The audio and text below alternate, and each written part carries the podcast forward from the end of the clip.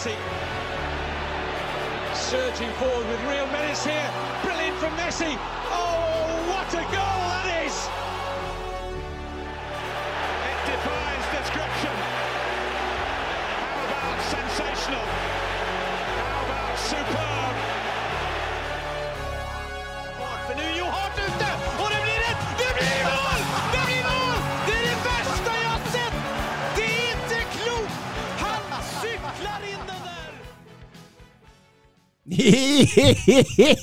ja da!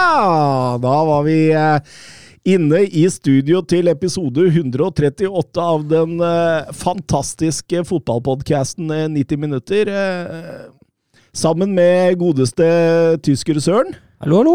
og eh, Romeriks eh, Mats. Hei. Hei. Og Ru- Eh, Rjukan Thomas. Rukan Thomas. Eh, hvordan går det? Nei, det går bra. Jeg har juleferie nå, så det er hyggelig, det. Åh, det er så deilig, det der. Juleferie. Gikk du ut i dag, eller? Nei, siste har vi sagt på fredag. Ja, ok. ok. Så du har hatt juleferie litt, du? Ja, jeg har hatt det. Ja. Veldig avslappende. Ubehagelig. Ubehagelig med juleferie. ja. Det er det. Du har ikke juleferie ennå. Nei, nei, er du jobber julaften, du. Folk skal ha varmepumpe døgnet rundt. Sånn er det. Fy flate. Jeg gikk, jo- jeg gikk ut i dag. Det er så en god, godfølelse nå, liksom. Sitter og Man veit at det er en uke til du skal på jobb igjen. Og. ja, ja. Så det er helt, eh, helt enormt deilig, altså. Vi har så mye Twitter-spørsmål i dag at jeg tror liksom vi Ja. Vi, vi, vi kjører bare i gang det, først og fremst. Er dere enig i det, eller? Ja, kjør på. Eh, Jørgen Be Ready han hadde vel ikke noe spørsmål, mer et, eh, en liten ønske til oss. Han ønsker oss god jul til Norges beste podkast. Veldig hyggelig sagt, og god jul til deg og Jørgen. Det, det må vi si. En fast lytter der, eh, Mats. Istemmes. Jeg tror han har vært fra, med oss fra episode én. Ja, altså. Eh, jeg, jeg husker han sendte noen meldinger og skulle gi oss en sjanse, siden vi, vi, vi dreiv med Nutella og, og de greiene der. Så syntes han det var interessant. Jeg husker det. Men det var ganske tidlig, ja. Så kan vi jo fortsette med et eh, spørsmål fra vår gode venn eh, Trym Hogner. Han lurer på hvorfor eh, bagettemballasjen alltid er for kort til å dekke hele bagetten. Og eh, Skal han ha det fotball? Skal han ha det taktiske svaret der? ja. Uh, men du hadde vel googla det? Ja, nå, nå rett, for, rett før sending hadde jeg googla det. Uh, og det, det, var, det var åpenbart sånn at, baguette, eller at brød generelt tidligere ble solgt ganske kjapt etter at det hadde kommet av ovnen, og at det fortsatt er sånn. Eller i Frankrike skal det visstnok være sånn at eh, man tar med sin egen pose og putter bagetten inn der, og så tar man det med seg hjem. og At bagettinnpakningen strengt tatt ikke er nødvendig hvis det ikke er skåret opp, Mm. tror jeg det var. Mm. Og at man da har en pose mest av reklamehensyn. Det er bakeriet eller stedet som solgte. Ja, jeg tror det ser veldig dumt ut hvis du har helt pakka inn. Jeg tror det er derfor. Ja, og, og, og kanskje hvis du skal spise nå, da, så blir det litt sånn Altså, en bagett kan du liksom bare Ja, Men du vi, spiser jo vi, ikke ja, men la, la oss si på Uppercrust, da. Da har du Bagettene ligger jo lina opp. Og så sier du en ost og skinke. Så får du en ost og skinke. Og da, da er den jo altså rett spisbar, hvis du skjønner hva jeg mener? Jeg- jeg- Ja, Du bør ikke håndbevegelsen, jeg skjønner hva du mener. Håndbevegelsen er ganske suspekt. Så det. Eh, jo, nei, jeg er enig i det, men det er jo påsmurte bagetter. Ja, Eh, hvis du da skal ha, kjøpe en ikke påsmurt bagett, da. Hvorfor Ja. skal ikke den pakkes inn helt? Nei, det, det, det var det, det, For du eter jo ikke den på veien, gjør du det? Nei, du kan det òg. Eh, blir litt- litt tørt men, det er jo mye sånne dumme ting. ikke sant? Den der pappskjea til Tine som alle har snakka om i lange tider nå. Du har den der, altså, det, En ting jeg har eh, tenkt litt på, det er hvorfor det alltid er pølser i tipakk og pølsebrød i åtte- eller tolvpakk Ja, vet du hva. fra samme produsent. Den! det, ja, jo, men det er jo marked. Det er jo business. ja, men, Altså, skal du ha ti pølser, så må du kjøpe to pølsepakkebrød. Men, men, Pølsebrødpakker. men, men, men, men det er jo egentlig horribelt. Ja ja, men det er jo eh, Det er jo litt sånn også telefonladere. Mm. Ja, du må kjøpe både ledningen og Ja, ja, ja. Ja, jeg, leser leste også et sted at man egentlig kan lage lyspærer som holder nesten en evighet, men at ingen gidder å gjøre det, for da ser man ikke noen lyspærer med. Så ja, det er noen markedskrefter som eh, sving. Fæle greier, altså. Eh, videre. Eh, Tor eh, Kjetil, eh, han kjenner vi jo igjen fra dette studioet. Han, han eh, ønsker en topp tre-liste fra Søren på hvem han har hata mest i 2021. Jeg hater deg ingen. Får du plass til alle på en topp tre-liste? hva, vi, vi tar det fotballrelatert, og da er min liste vel- Nakstad? Ja, vi tar vi, nei, vi, vi tar det fotballrelatert, tenker jeg. Uh, og så hater jeg ingen, men uh, jeg har Wolfsburg har gitt meg nå tre fantastiske karakterer som jeg kan uh, putte inn der. Og jeg setter faktisk Jørg Schmatke på topp, som har klart å rive ned et topplag til en, til en nedrykkskandidat i løpet av seks måneder. Det er godt jobba, Jørg Schmatke. Det er helt fantastisk gjort. Feilansettelse på trenermarkedet to ganger i løpet av et halvt år, eller egentlig i løpet av tre måneder. Det er jo Mm. imponerende. Og så har jeg på andreplassen har jeg da Erling Haaland. Nei, Mark van Bommel, selvfølgelig. Ja, okay. Ja, ja. Han, eh, han som eh, rev ned det begynte å rive ned det hele. Ved å ikke legge noe grunnlag ved, ved å egentlig ikke ha peiling på hva han driver med. Og en sistemann som nå søker egentlig for min største frustrasjon per dags dato. Uh, men hvis han veier det opp mot den andre frustrasjonen som har blitt forårsaket, er det fortsatt mindre enn uh, en van Bommel og, og Schmatke, så har jeg Kofeld. Mm. Og det kommer vi jo også litt tilbake til eh, underveis i sendinga. Er Julian Draxler på fjerde? Han har ikke gjort noe i år. Er sånn, eh, sånn grunn... Han, han, han lever jo. Ja, men altså, det får han da gjøre. Han puster, han jo. Men han, eh, nei, han er ikke på fjerde. Ikke på, ikke på 2021, nei. Nei, men Nakstad er kanskje det. Nei, ikke fotballrelatert. ja, da, men han har jo stengt av noen breddekamper, har han ikke det? Ja, det har han, det har, det har han for så vidt. Men eh, ja, det var egentlig mest i 2020 at det ikke åpna i sommeren, den sommeren der, da. Ja, jeg ser den. Jeg ser den, eh, Søren. Du er full av hat, og det må man hater ingen. eh, For også en fra fotballpodkasten Harde mottak. Altså, det, er, det er vel podkasten og vår, eh, altså, vår felles favorittfotballklubb, Lillestrøm. Ja, og det, var, altså, det skal jo sies at det var godt gjort at LSK var såpass gode i år at ingen LSK-relaterte fotballrelaterte ting havnet på den lista, topp tre-lista mi nå. Det, Ja, det- det- det- det skyldes jo, skyldes jo en fantastisk sesong i, i hele klubben. har de solgt en spiller. Eh, Knutsen er på vei nå til, til Russland, og det er jo, det tenker jeg var fantastisk. Ti millioner inn, eh, uten å miste en bare bjelke. Det er jo helt topp, det. Altså, stort talent for all del, men altså, det hadde vært verre å miste Matthew eller Kairin. Ja, ja, helt klart. Helt klart. Eh, men spør Men, jo men hvis du kunne solgt Matthew Ja. til 20 mil, Mhm. og beholdt Knutsen, Nei, jeg hadde fortsatt beholdt Matthew. Og solgt Knutsen til 20 Titt for ti, Du vet Matthew ti- har ett år igjen av kontrakta si. Ja, jo da. Er det bærekraftig for norske klubber å gi over fem millioner i grunnlønn til en hovedtrener? For alle norske klubber? Nei, det tror jeg kun et fåtall norske klubber som kan eh. Men Knutsen skulle ikke ha for sju? Er det han han mener, eller er det Rekdal? Jeg tror det er Reke, Reka. Reka?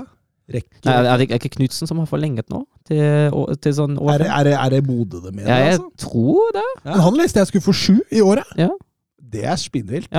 Men altså, nå selger de jo Botheim for 100 millioner kroner Ja. til, til Russland, men altså, det er jo i utgangspunktet er det jo ikke bærekraftig. Patrick Berg har vel fått noen Mm. eh, millioner for, og, For og problemet- Bjørkan og.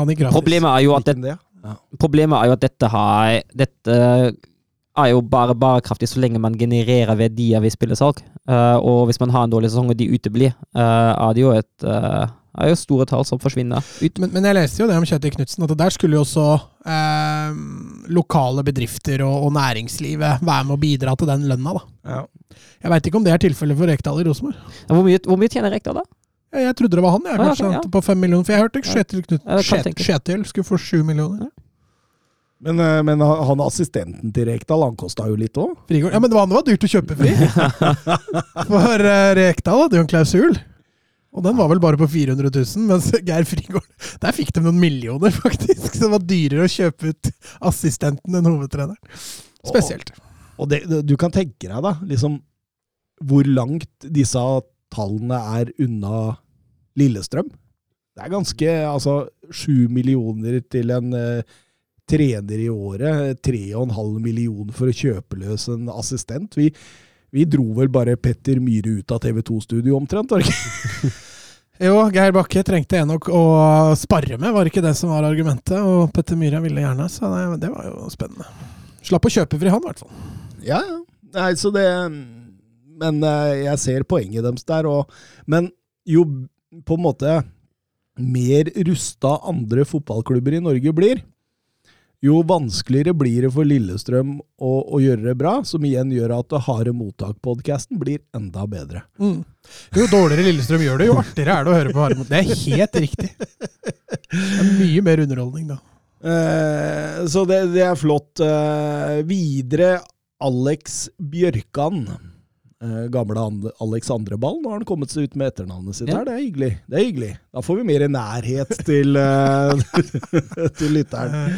Eh, nevn noen spillere dere har hatt synes har tatt de største stegene denne sesongen. Jeg har da en eh, kandidat fra Bundesliga, i hvert fall i Florian Wirtz. Som jeg syns har vært eh, helt fantastisk. Toppnivået hans har vært uh, helt sykt. Altså, han levert ganske stabilt på, på høyt nivå, og har egentlig nå begynt å ja, se nesten ut som, som Havertz i, i Leverkosen også. Ja, hvis, hvis du måtte si en fra Wolfsburg, Det har jo alle, det har alle gått steg tilbake. Det er, sånn er det som ingen som har liksom uh, Lukas Metcha, da. Uh, han- han hadde det jo ikke i fjor. han hadde ikke virket i fjor, nei. Uh, jeg syns jo eh, lillebroren til, til Lukas Felix har utvikla seg uh, all right nå i løpet av sesongen. Så lovende ut da han starta mot Köln nå sist. Ja. Men uh, Det er ikke mye positivt å dra på hatten det er ikke mye positivt med tanke på utvikling av spillere å dra fram da. Jeg kommer egentlig ikke på Vet du hva, hvem jeg Asta Det Wrangs kan jeg. Jeg også tenker på han i Real Madrid. ja. ja. Vinicius, det, det var liksom ja. den første jeg tenkte på. Mm. Eh, ellers så altså Hvis jeg skulle tatt min egen klubb, da, Mm. så er det jo Oliver Skip som jeg syns Og spesielt etter Conte kom. Jo, men eh, tenker, jeg tenker jo det at når du har sett utvikling, så var han der i fjor, og så har du sett at han har blitt bedre i år. Skip har jo ikke slått Ja, Han, han i- igjennom i Tottenham i år, på en måte, hvis du skjønner hva jeg mener. Ja, han, da han var i Norwich i fjor, ja. Ja, Så hvis du skal velge en Tottenham-spiller nå, så må det nesten bli Dyer, da, tenker jeg. Ja, men han har jo vært strålende i år. Ja, ja, så det det, det jeg det, er helt riktig. Det kan fort være en, eh, en Dyer, ja. Det er ingen tvil om. For Hvis jeg skulle tatt Barca, så ville jo også Gavi vært den første jeg tenker på, men han Ja. slår jo på en måte gjennom nå, da. Mm. Så hvis jeg skal ta også min egen klubb, så det er ikke mye, det er ikke mye bra å ta tak i der heller, vet du. Men, eh, Men av andre navn rundt omkring, da, så kan vi, altså, vi kan jo nevne um, Arrow Ramsdale. Ja. mm. Uh, nå var vel ikke han heller der i fjor, men, uh, men Nei, men utviklinga fra i fjor han har hatt, vært- da. Mm. Han spilte jo i Premier League i fjor. Mm.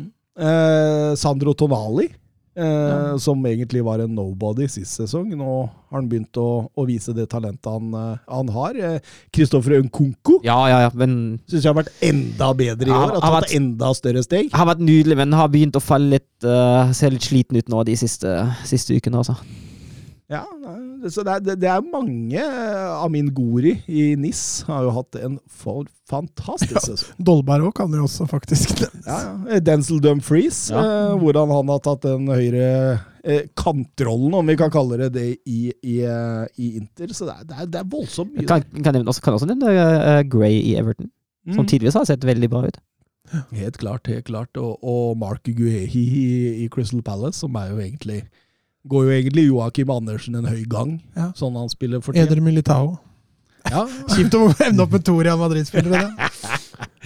Eh, Geir Halvor Kleiva han ønsker at vi, eh, på en måte plukker ut eh, årets lag i utvalgte kontinenter og, og krangler i ettertid på hvem som ville ha vunnet eh, den.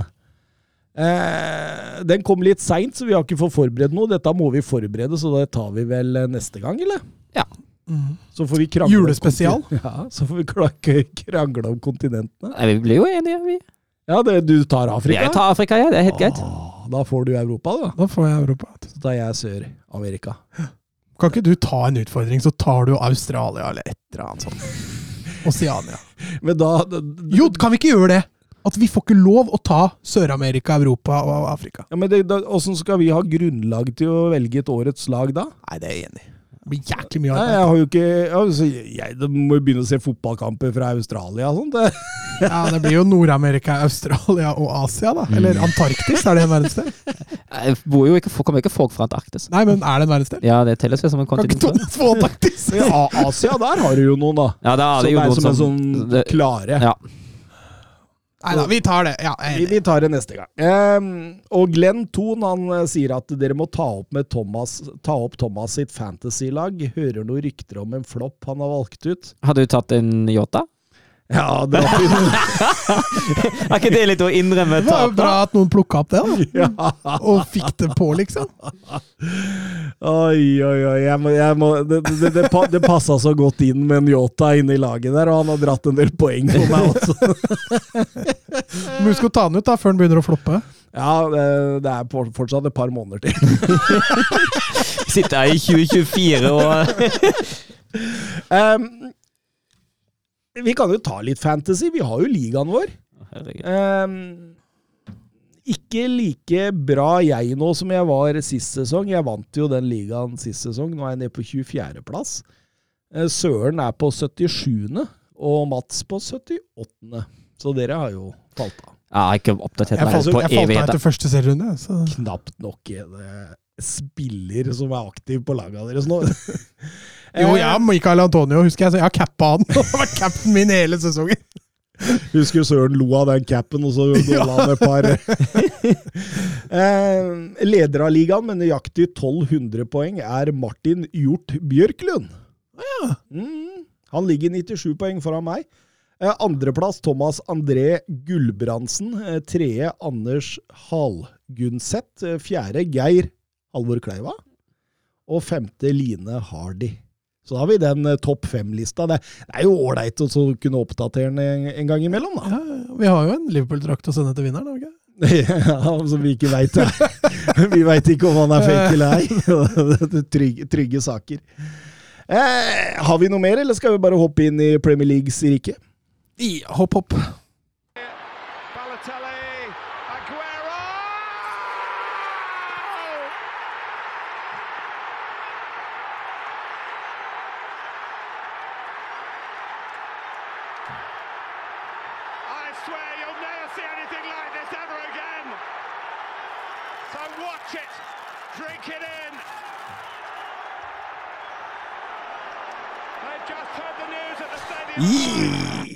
Vi, vi, vi, ja. Nå!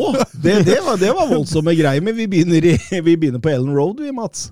Ja, det er, eh, det er artig å være norsk nå i Arsenal. men, men, men, men først av alt Den oppstillinga Bielsa hadde på banen, og den benken Bielsa hadde nå eh, Nå brenner det i Leeds, altså. Det, altså. Det var skader. Phillips, Bamford, Rodrigo, Cooper, Stroik, Shackleton, Dave, Daniel James, Diego Llorente. Firpo var suspendert, og, og på benken så satt Altså det er knapt nok så jeg har hørt om disse spillerne som satt på benken, mange av dem. Og, og, og blant annet der satt Archie Gray, 15-åring, og sønn av nevø eh, av klubblegenden eh, Eddie Gray, som spilte for Leeds på tror det var slutten av 60- og, og gjennom 70-åra. Det, det, det, det, sier litt, da. Ja, det gjør jo det når man må sette en 15-åring på, på benka. av det. Altså Enten så er han kjempetalentert, eller så er det en veldig dårlig time med tanke på spillere som er, som er tilgjengelige. Men, eh, og Leeds sliter jo voldsomt nå. Det, det, det er jo klart det at Arsenal er jo storfavoritt i denne kampen, sånn som Altså, Ja, man altså, kom som- fra Westham-seier òg. Ja, formen til Arsenal nå tilsier jo egentlig veldig lite annet. Og, og det samme om Leeds. Så. Bør ikke være rakettforsker for å finne favoritten for den, på forhånd på den matchen. Nei, og Arsenal innfridde jo denne favorittrollen uh, egentlig fra start, syns jeg. Uh, jeg syns jo det, det mellomrommet som Leeds etterlot seg, uh, det var skremmende. Det er derfor Ødegaard blir så god, òg. han får jo voldsomt mye rom å boltre seg. ja, jeg syns jo han beveger seg smart, da. De møtende bevegelsene hele tida. Ja, og, men nå vender han jo opp, og det har han jo ikke turt å gjøre Mm. tidligere, for han har jo vært mye trangere rom der han må bevege seg. Nå har han så voldsomt god plass, så han får vente opp hver gang. Og det er det vi har savna med Ødegaard. ja, så han kommer skal det jo, bli litt mer direkte. kommer jo noen gode pasninger ut av det, og til og med en assist mot slutten der. Mm. Ja, han burde hatt flere assist. Ja, men det er ikke hans feil. Nei, det er ikke hans. Men altså, dette her er jo et bevis på når mann-mann-presset ikke fungerer. Mm. Mm. Altså, det er jo Det, det, det rakner jo fullstendig. Eh, Martinelli setter jo to der eh, før det har gått halvtimen. Ja, men der er ikke noe med mann-mann, den første der. Altså, det, er- det er bare brudd på de Ja, altså De 15 første minuttene følte jeg bare var brudd, jeg. Mm, Altså for begge lag. Arsenal òg spilte jo på seg stygge brudd. absolutt. Eh, og, veldig sårbare. Altså, jeg synes, du, yes, du ser tegn til at Arsenal står høyere og høyere for hver kamp som går nå. At mm. på en måte at dette jobber man på i treningsfeltet, men så ser du at de sliter litt med å få hele laget med i presset der. Sånn at når, de, når Leeds får spilt av det der på en måte toppresset, da, den første fem-seks som går opp i press, så blir det jo enorme rom, og det, altså Arsenal kunne fort ha blitt straffa mot en bedre motstander her, altså. Ja, det kunne det. Eh, det jeg, men jeg likte, jeg likte pressfellene på kant til Arsenal. Jeg syns de så tidvis veldig, veldig bra ut. Uh, gode avkutninger der. uh, men det begynte å bli trøblete så snart, så snart Leeds begynte å slå litt lengre. Så snart Meslier begynte å, å tenke seg nå spiller jeg ikke ut kort, nå slår jeg litt lenger. Da begynte det å bli trøblete allerede. Saka setter 0-3 der rett før pause, og da, da er vel kampen avgjort, Mats. Ja, den var jo det. Du så når Leeds gikk i garderoben der, at, eh, at de hadde ikke helt trua på det her. Og, og det er klart, når det er en stund siden Leeds eh, vant en fotballkamp, så da, selvtilliten har jo allerede gått løs på. Ja, og det- blir jo litt mer av en eh, av en kontrollerende økt for Arsenal i andre omgang. Det blir jo ikke like, Ja. like underholdende. Men Granit Xhaka han gjorde det han kunne for at det skulle bli. Men hva i alle dager er det han driver med der? Først så står han og småkrangler om noe tull når Leeds har eh, frispark der.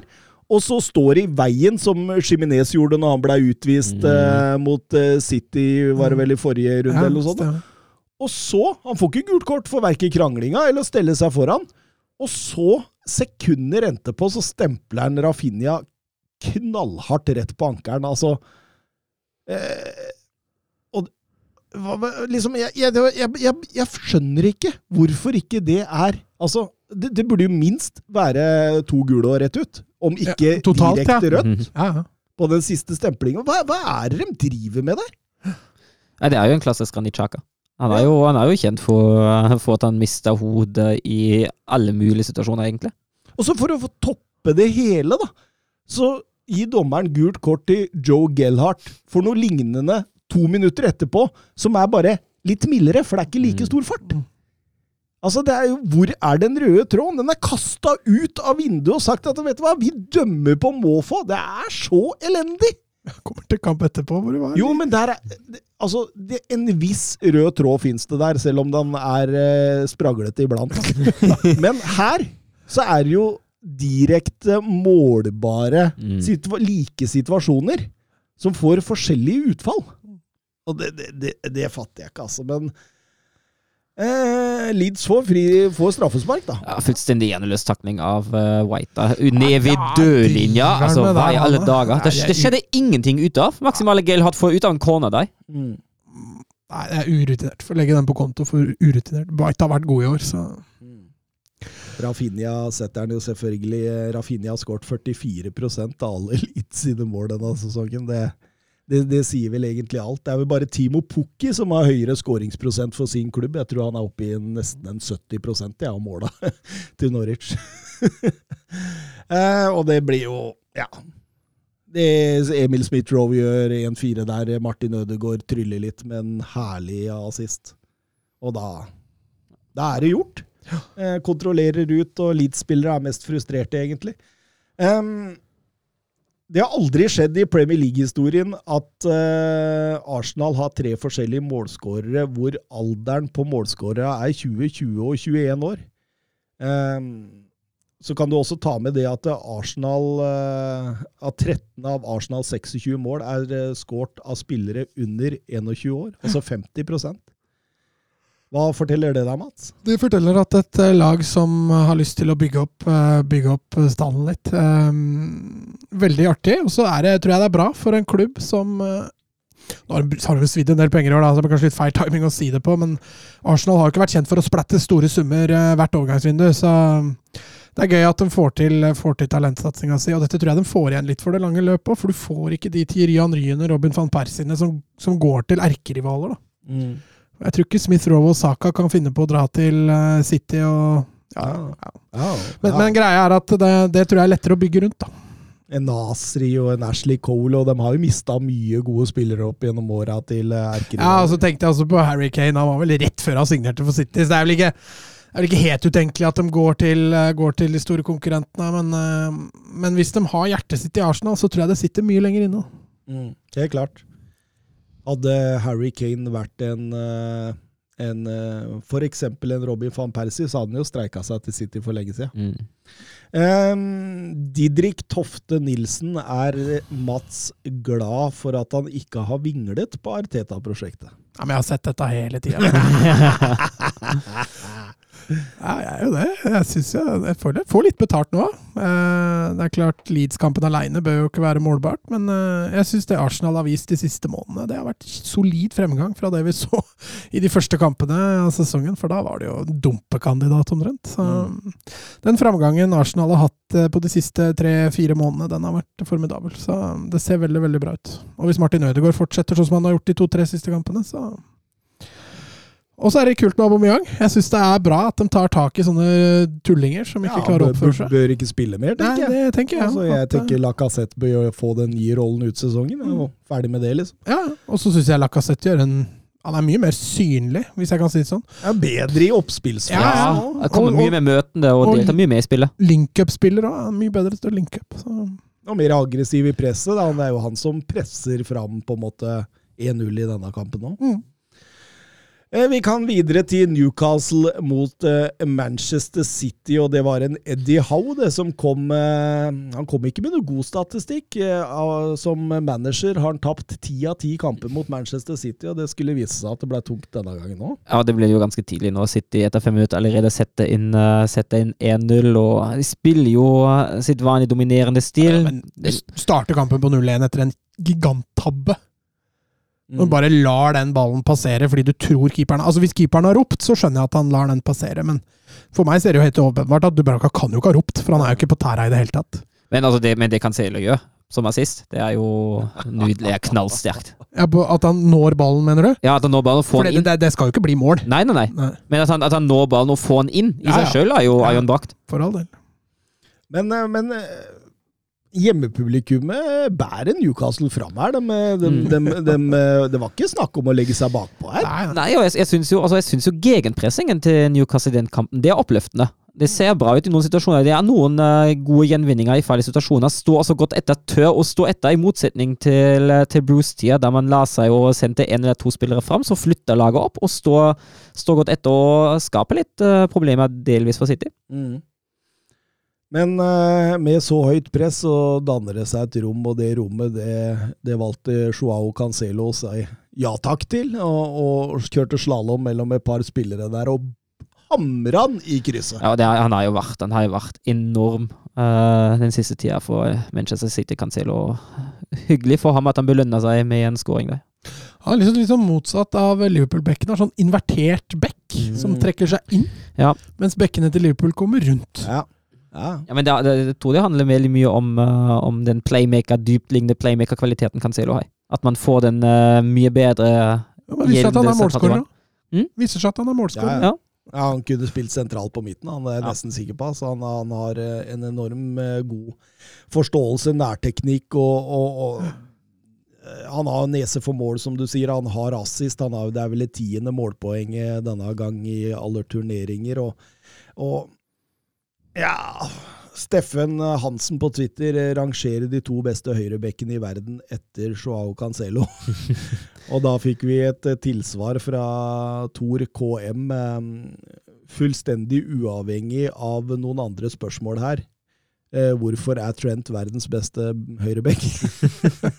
Så det er, det, er- det er her Det er satt en Liverpool-supporter og passa på der. Ja, det, ja, det er bra. det er bra. Selvfølgelig gjorde det det, men, men eh, da får vi sette opp en topp tre høyrebekker i verden, da sånn ståa er i dag. Dette er jo flytende. Dette Mm. varierer jo litt fra tid til tid og, og sånt, men Men Kimmich dropper vi som høyrebekk, da. Ja, han er jo en Ja, sentral midtbanespiller. Han gjøre. er jo det. Men altså, jeg har Cancelo på topp, med tanke på hvordan, eh, hvordan ståa er i dag. Jeg syns han har vært Men, men greia er her Hvem, Hvordan tror du Cancelo sin hadde gjort det på høyrebekken i Liverpool? Tror du han hadde danka ut Trent Alexander Arnold? Nei. Og omvendt. Nei, da, det hadde altså, Alexander Tror du Trent Alexander Arnold kunne Al- forsvart abs Absolutt forsvart- ikke. Arnold uh, he, altså, Ja, men han er jo lik som Kyle Walker. Kyle Walker spiller jo masse. ja, jeg, jeg, tror, jeg tror ikke Arnold altså, Jeg tror at den høyrebekkerrollen i City er mye bedre, enklere å tilpasse. da. Mm. Fordi de er mer fleksible, City, måten de spiller på. Det svarer jo ikke på spørsmålet hvem som er best. Nei, men, men, men det handler jo veldig Altså, Jeg føler at den backrollen til høyrebekken den er så tilpasningsdyktig, for Cancelo kan flyttes til venstre og gjøre sin greie på venstre. Han er like god på venstre. Ja, det er ja, men det er derfor jeg sier at City er mye bedre tilpassa Mm. høyrebekker. Så det er lettere å Nei, jeg, jeg, jeg er ikke enig i det når Cancelo spiller høyreback, for når Sinchenko spiller venstreback, er jo Sinchenko den som er tilpassa, fordi Cancelo står på høyre. Det er det er Cancelo som sørger for, så på, som venstreback som sørger for at Walker kan holde på som han gjør. Poenget mitt er at uh, du kan også dytte inn Trent Alexander Arnold der, og han hadde vært god. Ja, men bare hvis Cancelo hadde spilt på venstre.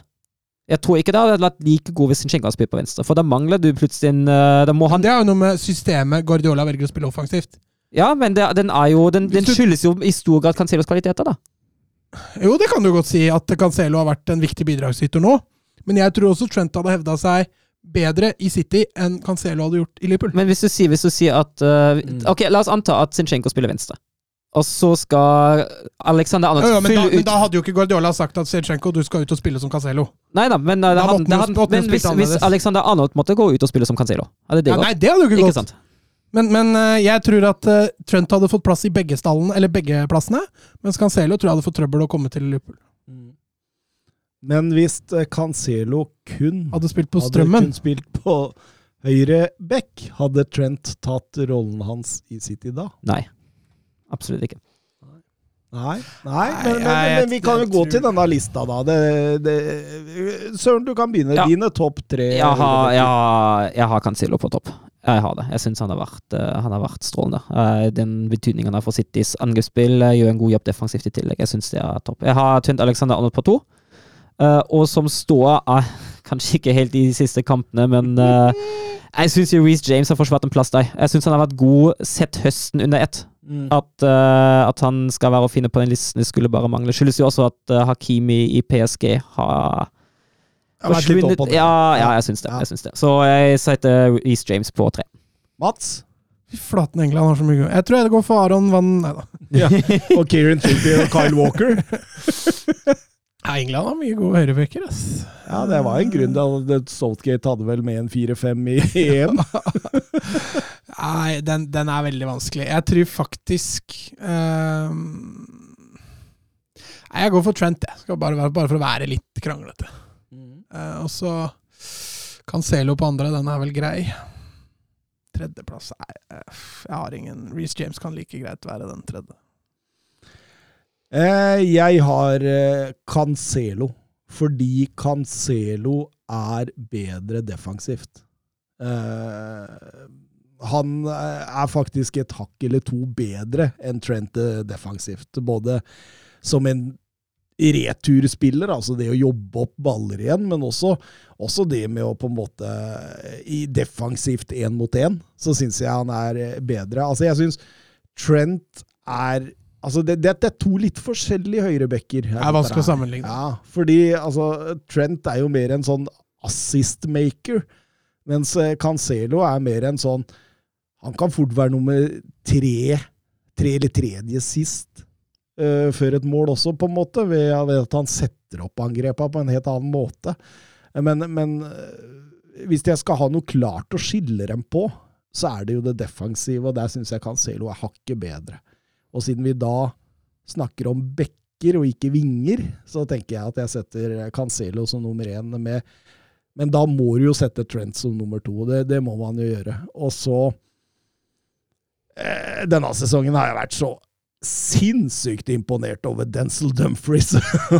og, og det handler om det offensive igjen, da. Ene og alene. Altså det, det, Så her går du litt imot deg sjøl igjen? ja, så jeg kan, kunne like godt hatt Reece James der da, men for, men, men for å blande inn én til, da, bare for moro, så setter jeg Denzil Dumfries på, på, på nummer, tre.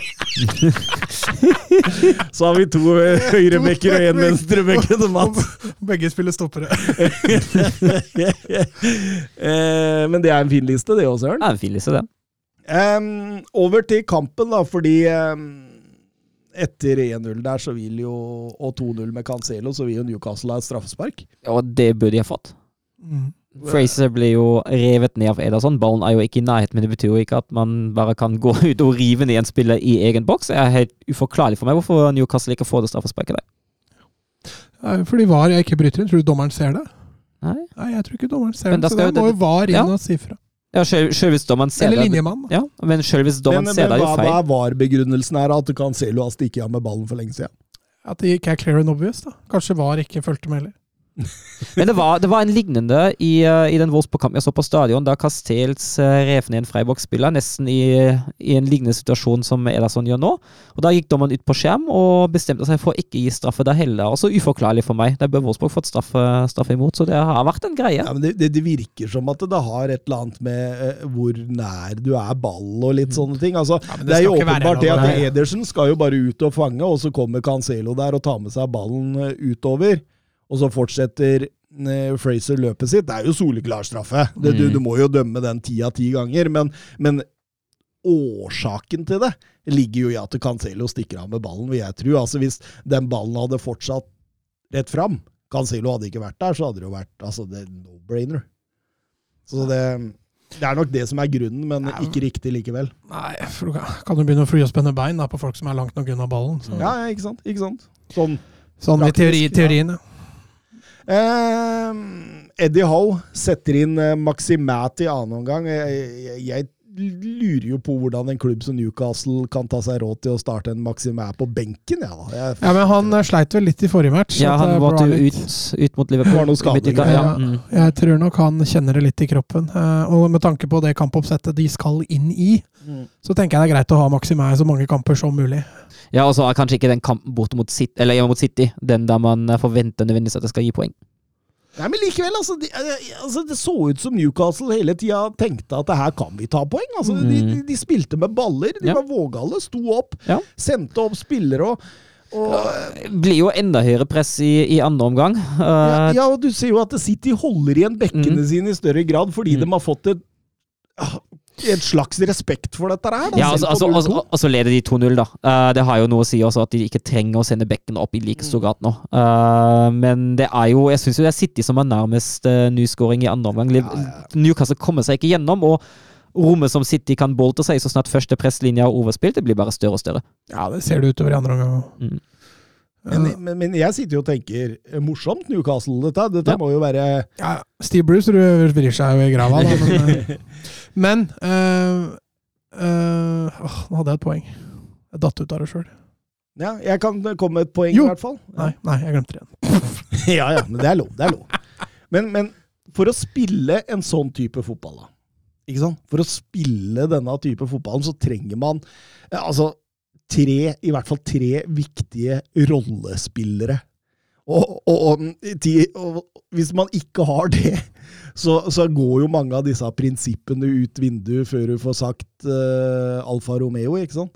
Og, og de prøver likevel med det.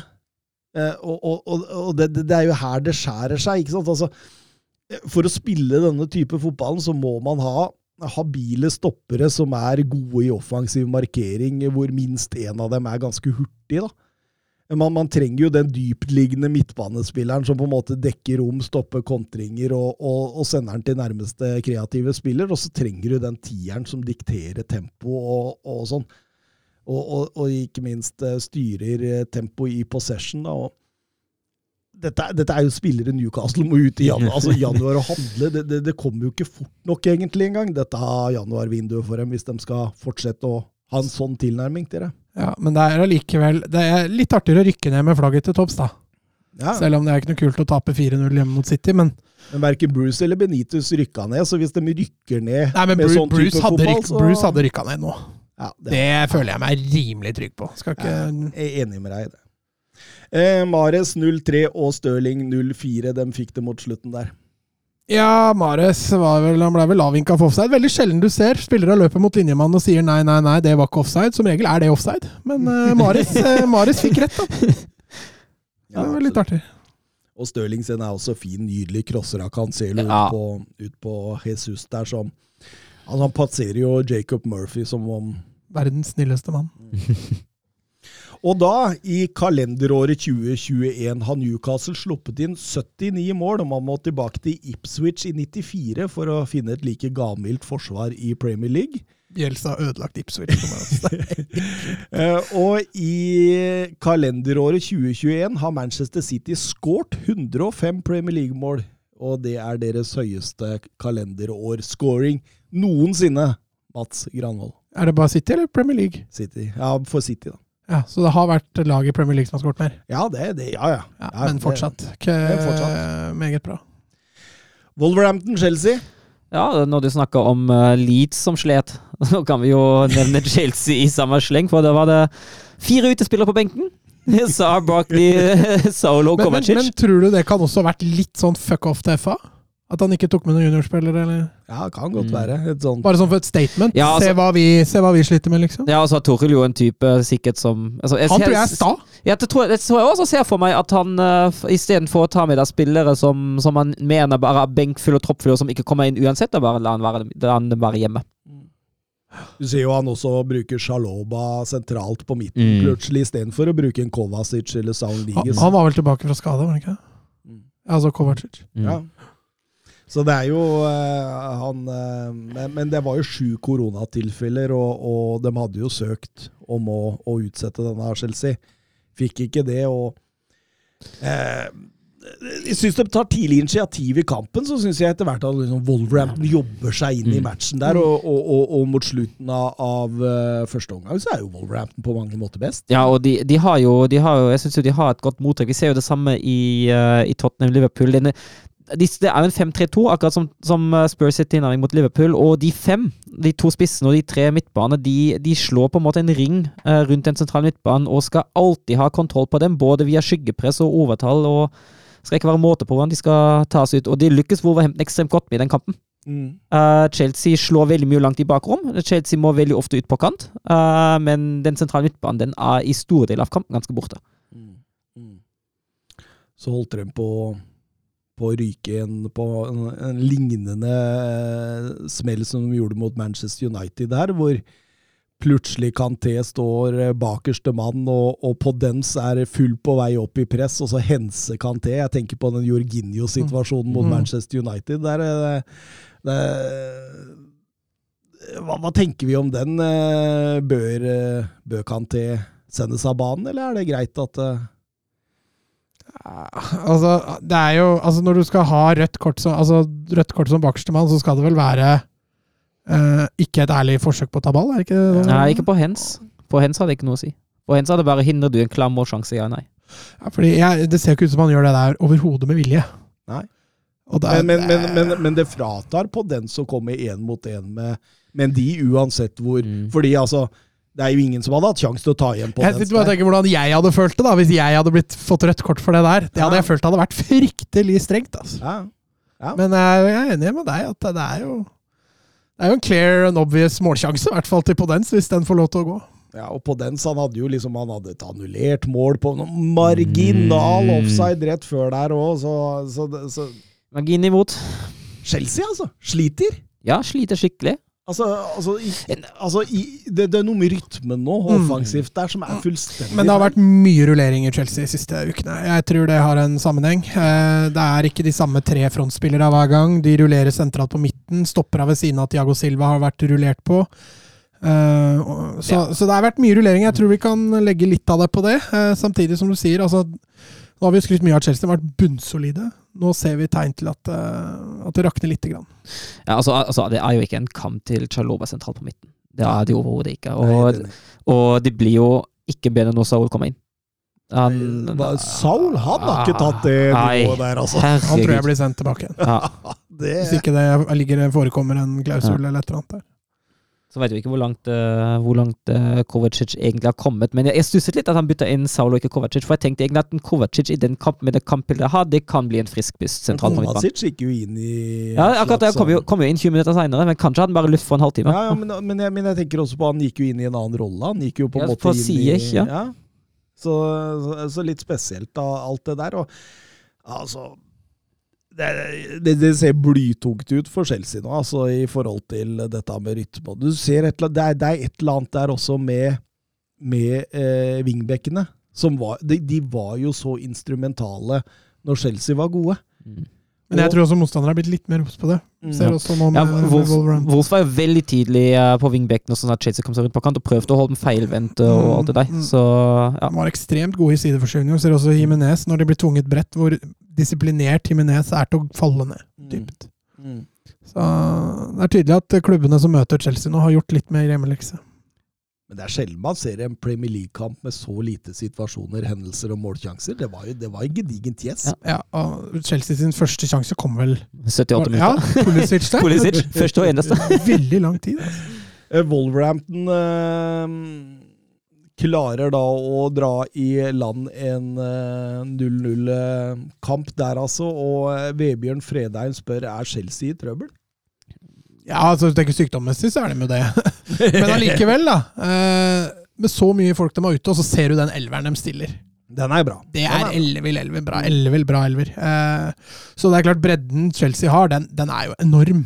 Eh, så Sånn sett så kan jeg ikke si de er i trøbbel, men eh, det er klart, du ser jo i den kampen her at det relasjonelle og sånn, det er jo ikke til stede. Du sa det jo flere ganger at rytmen er borte. og Får de ikke tilbake igjen disse faste elve- startelverspillerne sine, så, så kan det jo gå noen kamper hvor de, hvor de må virkelig krige for å få tre poeng. Altså. Og nå er Luka seks poeng opp til uh, City. Ja, det var jo eh, det var, De ledet jo med en eh, liten luke før, så Eh, Jørn Henland, hva er det mest overraskende eh, Chelsea sin lille formdupp, eller eh, at Wolverhampton ligger på åttendeplass med 13-14 i målforskjell etter 18 spilte kamper?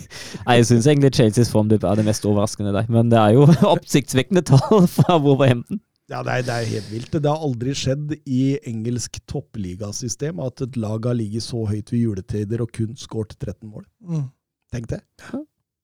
Det, husker starten av sesongen. det, er cred til det defensive òg, da. Jeg husker starten av sesongen til Wolverhampton, hvor vi satt her og bare Ja, de mangler jo bare målet, liksom. Ja. Vi, går ut nå. Vi går videre. Vi går videre til vår hovedkamp, eh, Tottenham mot eh, Liverpool. Det 178. oppgjøret lagene imellom siden deres første møte i eh, november 1909, som eh, Tottenham vant 1-0 etter scoring av Herbert Middlemiss. mid, Middlemiss? Ja. Nice. Det er nydelig navn. Eh, historisk har eh, Liverpool vært best, med 87 seire mot Tottenhams 48. Liverpool har også et godt tak på Tottenham i nyere tid, med 14 seire mot Tottenhams 5 på de siste 24. Tilsvarende endte 3-1 til Liverpool sist sesong, var på mange måter også det som Altså, jeg husker det var liksom, eh, Det som vendte Liverpools sesong fra og begynte, Da begynte de å komme på rett kjøl igjen. Eh, da hadde de hatt fem kamper uten å ha vunnet før de møtte Tottenham da, og så spilte de en kjempekamp der. Mm. Eh, noe ved lagene Det var jo mye ved lagene. Det var mye ved lagene. Ja, jeg kan, jeg kan, jo, kan jo starte med, med Tottenham. Da var jo Både en sentral midtbane var jo helt ny i en Dombelo Wings, som da erstatta Skip og Høibjerg. Høibjerg var vel ikke i troppen engang. Skip uh, rakk benken. Uh, begge wingbacker var nye. Uh, Cézignon og Emerson, som spilte for Region og Tanganga sammenlignet med den 3-0-kampen eh, mot Norwich. Og så kom alle inn for Lucas Mora. Mm. Ja, på Liverpool så var midtbanen var jo helt bytta ut. Eh, alle de tre faste der måtte, måtte eh, melde pass. Og så van Dijk, da. Selvfølgelig et stort tap. Eh, Firmino fortsatt ikke 100 tilbake, så han starta, starta på benken. Men det er klart, når du mister midtbanen din og, og van Dijk, så er det, så er det ganske kraftige Sist som sesong var det stoppere, og nå er det midtbanen. Ja, nå er jo van Dijk bare ute med korona, da, hvis vi kan si det på den måten. Men det er helt riktig. Når du mister da, begge de tre sentrale pluss uh, stoppekjempen din, så er det Altså på, på, kritisk. på, på mange måter da, så hadde laga mista litt det samme. Mm. Fordi eh, Christian Romero ute, eh, van Dijk ute. Er ikke Dyer Tottenhams van Dijk? ja, det så sånn ut nå. Jo, men jeg syns, Dyer har vært bra i, i Ja hele år. Helt klart, helt klart. Men, men Romero er vel den beste stopperen sånn isolert sett i Tottenham. Okay. Eh, og så var hele den sentrale midtbanen ute for Tottenham. Det samme med Liverpool. Ja, det eneste som på en måte var litt forskjell, da, det var at Tottenham måtte stille ny venstreback i Cézinho, mens Liverpool hadde disse bekka sine. Ellers så var det ganske sånn like fravær i laga. Eh, Tottenham hadde jo ikke spilt en kamp heller på 14 eh, dager eh, da. treningsanlegget var stengt ned og Mm. flere smitta. Eh, Liverpool hadde vel også Altså, de hadde vel med Henderson til kamp, men han hadde følt på litt sjukdom i kvelden før, og, og blei derfor isolert. Så om han har korona eller ikke, det, det veit vi ikke. Men det, det tok under et minutt før vi fikk en kjempesjanse der. Ja, det var jo Liverpool som, eh, som setter opp spillet sitt via venstre, som eh, skulle bli en eh, liten gjenganger etter hvert. I hvert fall de vendingene ut mot venstre og Manny Robertson der. Så, får, så vender de ut mot Arnold, som trekker inn og slår et innlegg til Robertson, som tar et løp i boksen og kommer helt ledig til heading der og setter han, setter han til siden. Det var en kjempesjanse. Mm. Ja, det var stor. Lewandowski der, eller noe sånt, så hadde det vært mål. Mm. Bør få dem på mål. Ja, det er jeg helt enig i. Men Tottenham da legger seg en litt sånn flat 5-3-2 og veldig opptatt av å stenge kantene til Liverpool. Ja, den, den, du har jo de, de fem som, som sitter og skyver altså, Dekker godt den sentrale midtbanen nå, men skyver over, skyver over hele veien. Og de, eh, de ytterste i den tre, eller tre midtbanelinja, da, eh, Ali og Ndombele, de får jo oppdrag til å tidlig gå ut, eh, gå ut på de høye bekkene til Liverpool, og lykkes, Lykkes bra med det. lykkes bra. Ja, absolutt. Altså, det er en jevn, jevn start på matchen, og, og eh, det, er, det er jo først egentlig når 1-0 kommer, Liverpool har begynt å trykke litt. Og, og, eh, og Tottenham ser jo like farlig ut på overganger som det Liverpool gjør når de er i possession høyt oppe i banen. Mm. Så det, det Tottenham eh, og Harry Kane setter 1-0 der etter nydelig gjenvinning av Wings. Ja, det starter jo altså Det er litt eh, forskjellen på Conte og det vi så under Spirito Santo. Det er jo den gjenvinninga høyt i banen. Når du først har flytta opp hele laget, så skal du virkelig vinne igjen, altså. Og det ser man jo et glimrende eksempel på der. En gjenvinning av Winks, en støttepasning, og så gjennom på Harry Kane. Eh, som skårer sitt første mål, var det vel, på, på hjemmebane i år. Så Første veldig fin skåring. Og så tror jeg Conte du ser, du ser Conte så fort Tottenham vinner ball, det så du gjennom hele matchen. Søk gjennombrudd så fort som mulig. Leste at det var Drillo som var det, men, men de, de aller fleste mål skåres seks sekunder etter du har skåret, etter du har vunnet ball. Mm, mm. Så du ser liksom hvor bevisst man er på det, da, på å søke gjennombrudd så fort du vinner ball. Ta, ta motstanderen i ubalanse. Mm. Og eh, da var 788 minutter måltøke i Premier League over. Ja, det er Han jubla ganske greit der. Ja, ja, det var noen kilo som forsvant der. Eh, Og, og rett etterpå så har jo eh, Son tidenes sjanse ja, på 2-0. Den bør han sette. Det var en ny overgang å bli satt veldig godt opp av Kane, men, Men tror du Kane slår den i lufta der for å komme forbi forsvarsspilleren? mm, Ja, jeg tror Ja. Mm. For, for egentlig så er det, det er jo ikke en lett pasning å jobbe med. Nei. Han kommer jo sprettende i stor fart. Mm. Du skal time og, og gjøre det Og riktig. så er, altså. så er han akkurat litt for Litt lang. for lang, ja. Så hadde Kane fått slått den langs bakken, så tror jeg det hadde vært mål. Mm. Men så lenge han kommer sprettende i stor fart, så er det Tar mye nok hensyn til Konaté der. Ja, det var det jeg også tenkte, på. at det ser jo ut som han må slå den over beinet på den, liksom. Og så kommer jo en av de store snakkisene når Kane høvler eh, Robertsen. Og er kjempeheldig til å Karnøfler! Ja, det, det. Ja. Ja.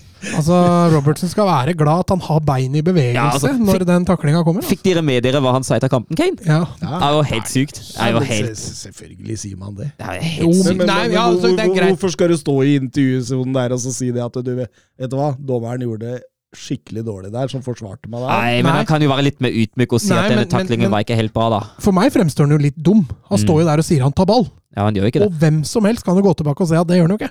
Ja, han En tar- ting er å si at- Han tar ball med henda etterpå. Jo, men én ting er å si at nei, taklingen var ikke så hard, det er greit nok, da står du og forsvarer deg sjøl litt, og den skjønner jeg. Men å stå og ljuge og si at jeg, jeg var jo på ball, det var en hard takling, men jeg tok ball.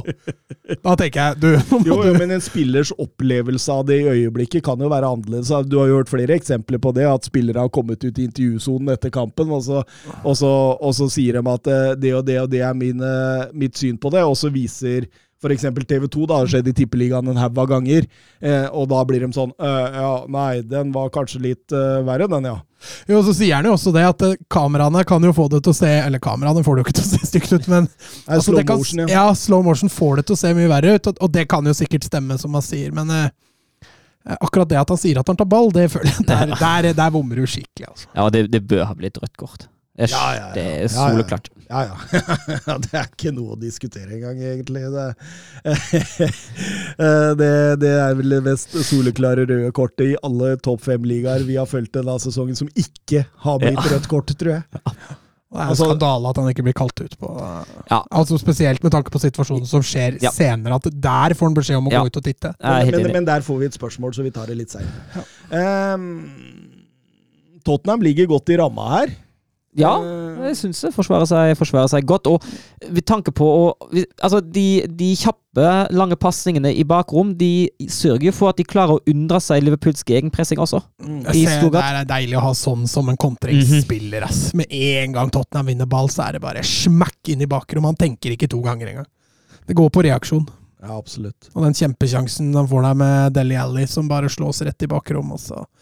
Der skal Harry Kane også ha mye kred for det løpet han gjør der. Det gjør jo hele rommet til eh, Alli, så Og, og hvordan da Son klarer å stoppe, orientere seg, finne ja, Ally der. La det løpet til Kane gå, og så åpner det seg fullstendig for, for Ally som tredjemannsbevegelser. Det er fryktelig deilig å se på når det fungerer, og så er det 20 000 blomster til Allison der. Ja, den der redningen der, det er jo, det er jo rundens redning. Ja, Det er jo helt den- sinnssykt. Den er spinnvill. Den er spinnvill. Og, og, og, og da, da ser man jo, som du er inne på, Søren, du ser et Liverpool som sliter voldsomt i kontradekninga fordi Tottenham er så direkte som de Mm. er. Og så, og så ser du også et Liverpool som stanger litt mot en mur. Du ser, du ser en Sala som begynner å gå litt lei. Han Han ble jo gå ikke involvert heller, Nei, nei, ordentlig. nei, absolutt. Altså, Cézinho har han jo i lomma enda, mm. faktisk. Han kan mye via venstre fra, fra Liverpool. Man nedprøver jo også. Problemet altså, Vi får ikke vridd den, vet du. Nei. Altså, altså sliter, altså snart en Dombele kommer og hjelper til, blir vanskelig. Uh, blir jo først når man er klar å isolere Emerson én mot én, at det blir noe farlig. Men så kommer jo ikke pasningen inn i boksen heller, for Spurs forsvarer boksen sin utmerket. Nei, absolutt. Uh, Og så kommer egentlig 1-1 fra Diego Yota litt ut av det blå, egentlig. For det, Ja, De klarer å blokkere det første innlegget der, og så følger Robertson, som følger på der. og eh, Men i den situasjonen er jo Dombello oppe og presser Milner. Da er han jo borte derfra. Mm. Fra, fra da han Ja, og så er det en andre ball. Det er, Ja. det er vanskeligere Ja. å plukke opp løpene da. så Skjønner jo at den, den blir vanskelig, så, så det Tottenham bommer på der, det er at de ikke får klarert den på Mm. første, første der. Eh, når den havner først i beina på Robertson, så er de jo allerede litt i trøbbel. Og Jota på huet, det er jo poeng på fantasy. Han hadde aldri skåret på hodet i Wolverhampton. Og så kommer han til Liverpool, så skårer han bare på hodet, nesten. Nei, det, det er spesielt. Ja, det- Klopp har sett noe ingen andre Ja, han har sett luftens baron Ja, på han har 1,42 høy, liksom. Det er, det, det er veldig spesielt, men eh, så du Klopp uh, var forbanna på Robertsen, og, og han, han var egentlig forbanna på alt. Ja, han var forbanna. på- Ja, men merker- Merker det når kampene blir litt brutale. ja. Da blir Klopp uh, forbanna. Altså. ja. Han var lynende forbanna. han var ordentlig forbanna. Altså. altså når du får Conte til å se rolig ut da. Men jeg syns Liverpool eh, Jeg syns det blir bedre Ja. etter målet. Mm. Skru til stikken litt, og da henger Tottenham litt i tauene. Var godt at pausa kom da han kom for Tottenham der. Ja, og så, og så ser du de, de får ikke de unødvendige balltapene lenger som fører til de kontringene, og det, det hjelper jo veldig, for da får du det ettervarende trykket på Tottenham. Og så er det som Søren er inne på, det skjer jo mye på venstre, eh, og de sliter med å involvere Trent og, og Salah. Hadde de fått til bare et par vendinger et par ganger, kunne det blitt mye verre for Tottenham å forsvare. Går man til pause mm, Klopp står og, og, eh, og lekser Tini i, pausa inni der. Forteller hvordan han skal dømme. Ja. Altså eh, Hver gang jeg ser Klopp i sånne kamper, så tenker jeg på Mourinhos utsagn om at hadde jeg drevet på sånn, så hadde jeg sittet på tribunen halve sesongen. Men han er så engasjert, han Klopp, vet du. Mm. Han er så engasjert. Mhm. Vi har, jo vært, vi har vært inne på det i en periode der han var skikkelig ille, og at uh, nå er det litt nok. Men altså Men det har ikke rakna ennå for Liverpool. Nei, jeg forstår jo frustrasjonen, eh, frustrasjonen hans i den kampen der. Jeg gjør jo det. Ja, men, hvert men i pausen så hadde fortsatt ikke Robertson fått rødt kort. Nei da. Nei, men eh, det var vel en eh, var, det i starten av andre omgang, eller var det Nei, i den, første omgang? den straffesituasjonen, den var, den, var- den var, den var etter, den var etter 30, 37. eh, eh, to minutter etter skåringa. Og, og, og den er nok med på fyren. Mm. Mhm. Eh, den, er, den er vanskelig for dommeren. Mm. Uh, vanskelig egentlig for VAR også, fordi jeg, jeg ser Klopp sier i etterkant at Tierney sier at han stoppa med vilje. At han altså oppsøker da situasjonen. Den ser ikke jeg.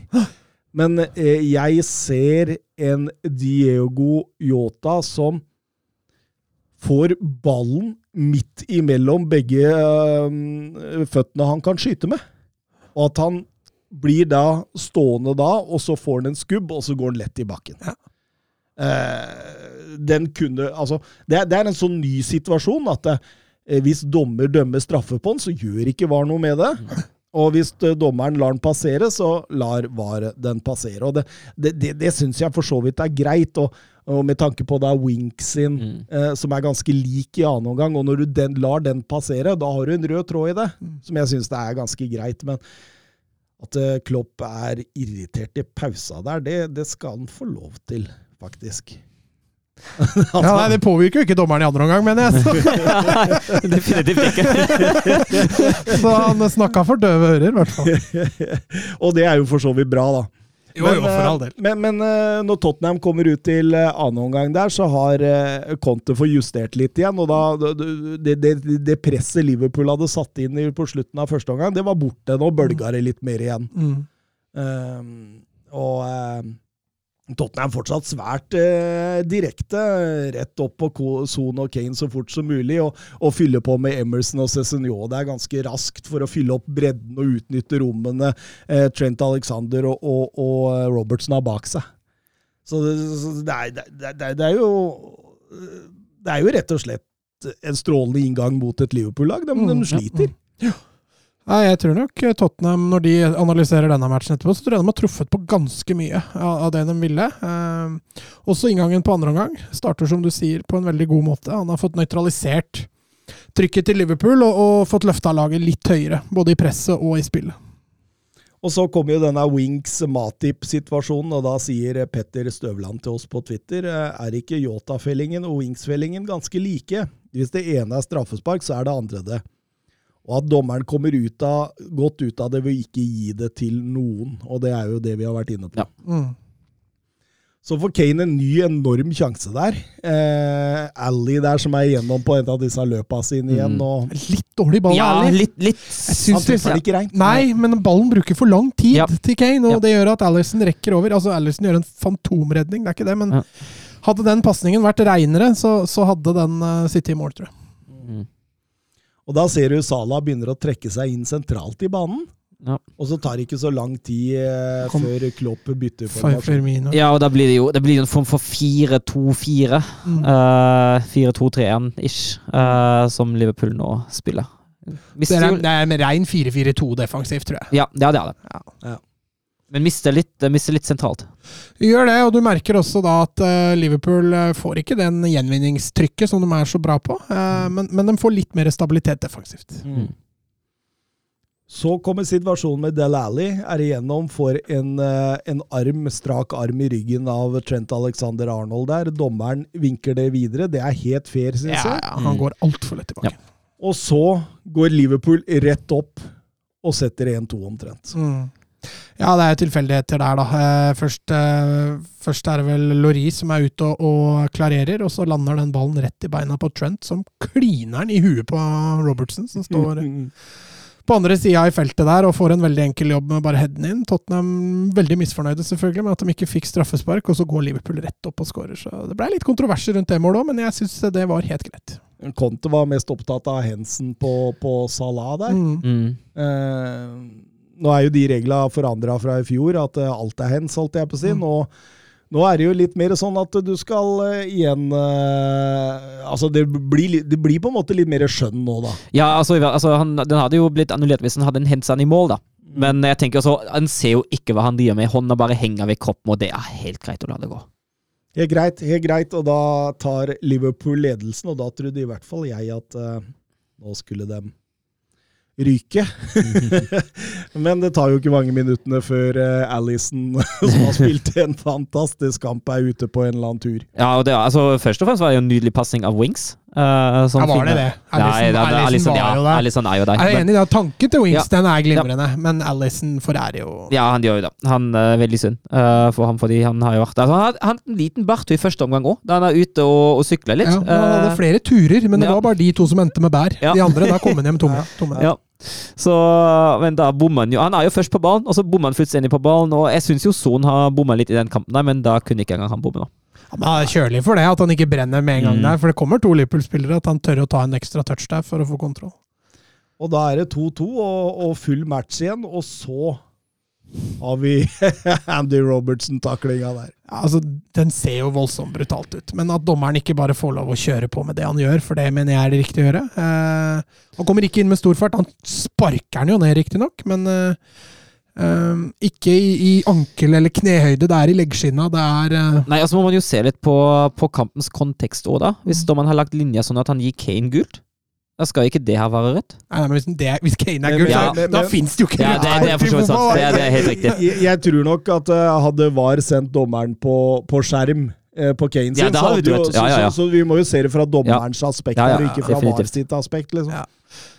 Så Nei, men, altså men, men, men spørsmålet her blir jo, eh, som eh, Oskar Carveio Holm er inne på på Twitter, hvordan VAR kan sende dommeren på skjerm her, og ikke på Kane. Ja, det, og det er et ekstremt godt spørsmål. ja, Jeg klarer ikke å svare. Nei, ikke jeg heller. Det er jo skivebom. Det er skivebom. Så kan det sikkert forsvares det røde kortet til Robertson. Ja, ja, det kan jo Altså, det, det er jo, det er jo Ja, han, han altså- sparker jo på skinnleggen Ja. eh, til Klopp, Emerson. Klopp står i intervjusonen etter kampen og sier at det er greit. Ja, jeg syns også, det er- jeg synes også det er greit. Jeg bare syns det er rart i kontekst til Det var ikke det stolteste øyeblikket Andy Robertson hadde på banen, og det veit han sjøl, var vel noe sånt noe han sa. for det, det, det går en kule varmt for den der. Ja. Det gjør det. Og det, det, det er jo rein altså det, er vel det som går under reckless tackling, tror jeg. Mm. Akkurat det der er hensynsløsheten som, eh, som kommer inn i bildet der. Og da, og da bygger Tottenham med momentum eh, 11 mot 10. Eh, Liverpool eh, legger seg ganske langt bakpå og ser nesten litt sliten ut. Ser nesten ut som at nå vil vi gjerne bare bli ferdig med denne kampen. og Selv om de ikke får sånn voldsomt store sjanser fordi Liverpool eh, det, det, det er liksom ikke det store rommet å true lenger, så, så, så, så, har de jo, så er de jo nærmest seieren her. Mm.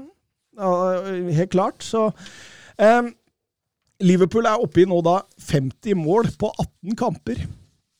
Aldri tidligere etter halvspilt sesong har de hatt så mange mål. 50 mål på 18 kamper. Det er sterkt. det er sterkt.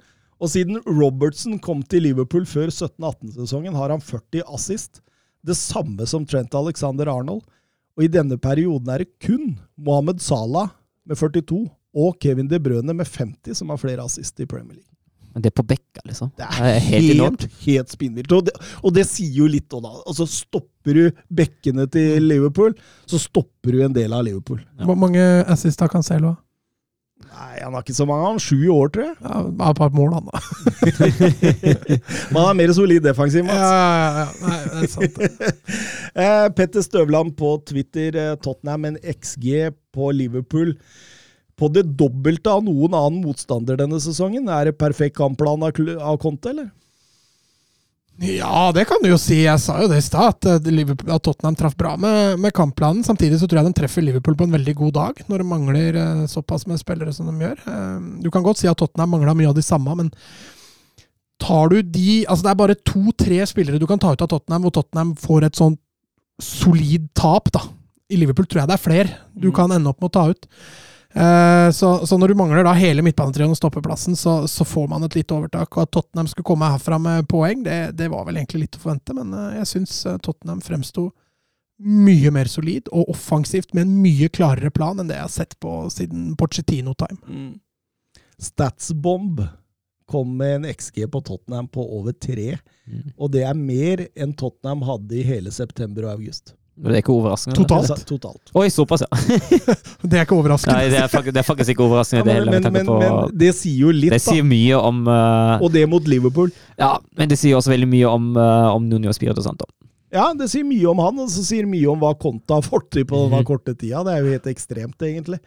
Um, Erik Milan på Twitter han kontrer på Petter Støvland sin og sier men hvorfor blir det ikke diskutert at halvparten av disse sjansene er, ville blitt tatt for offside på om Liverpool ikke overtok ballen? Son sin sjanse er jo klar offside, men blir fortsatt tatt med i XG.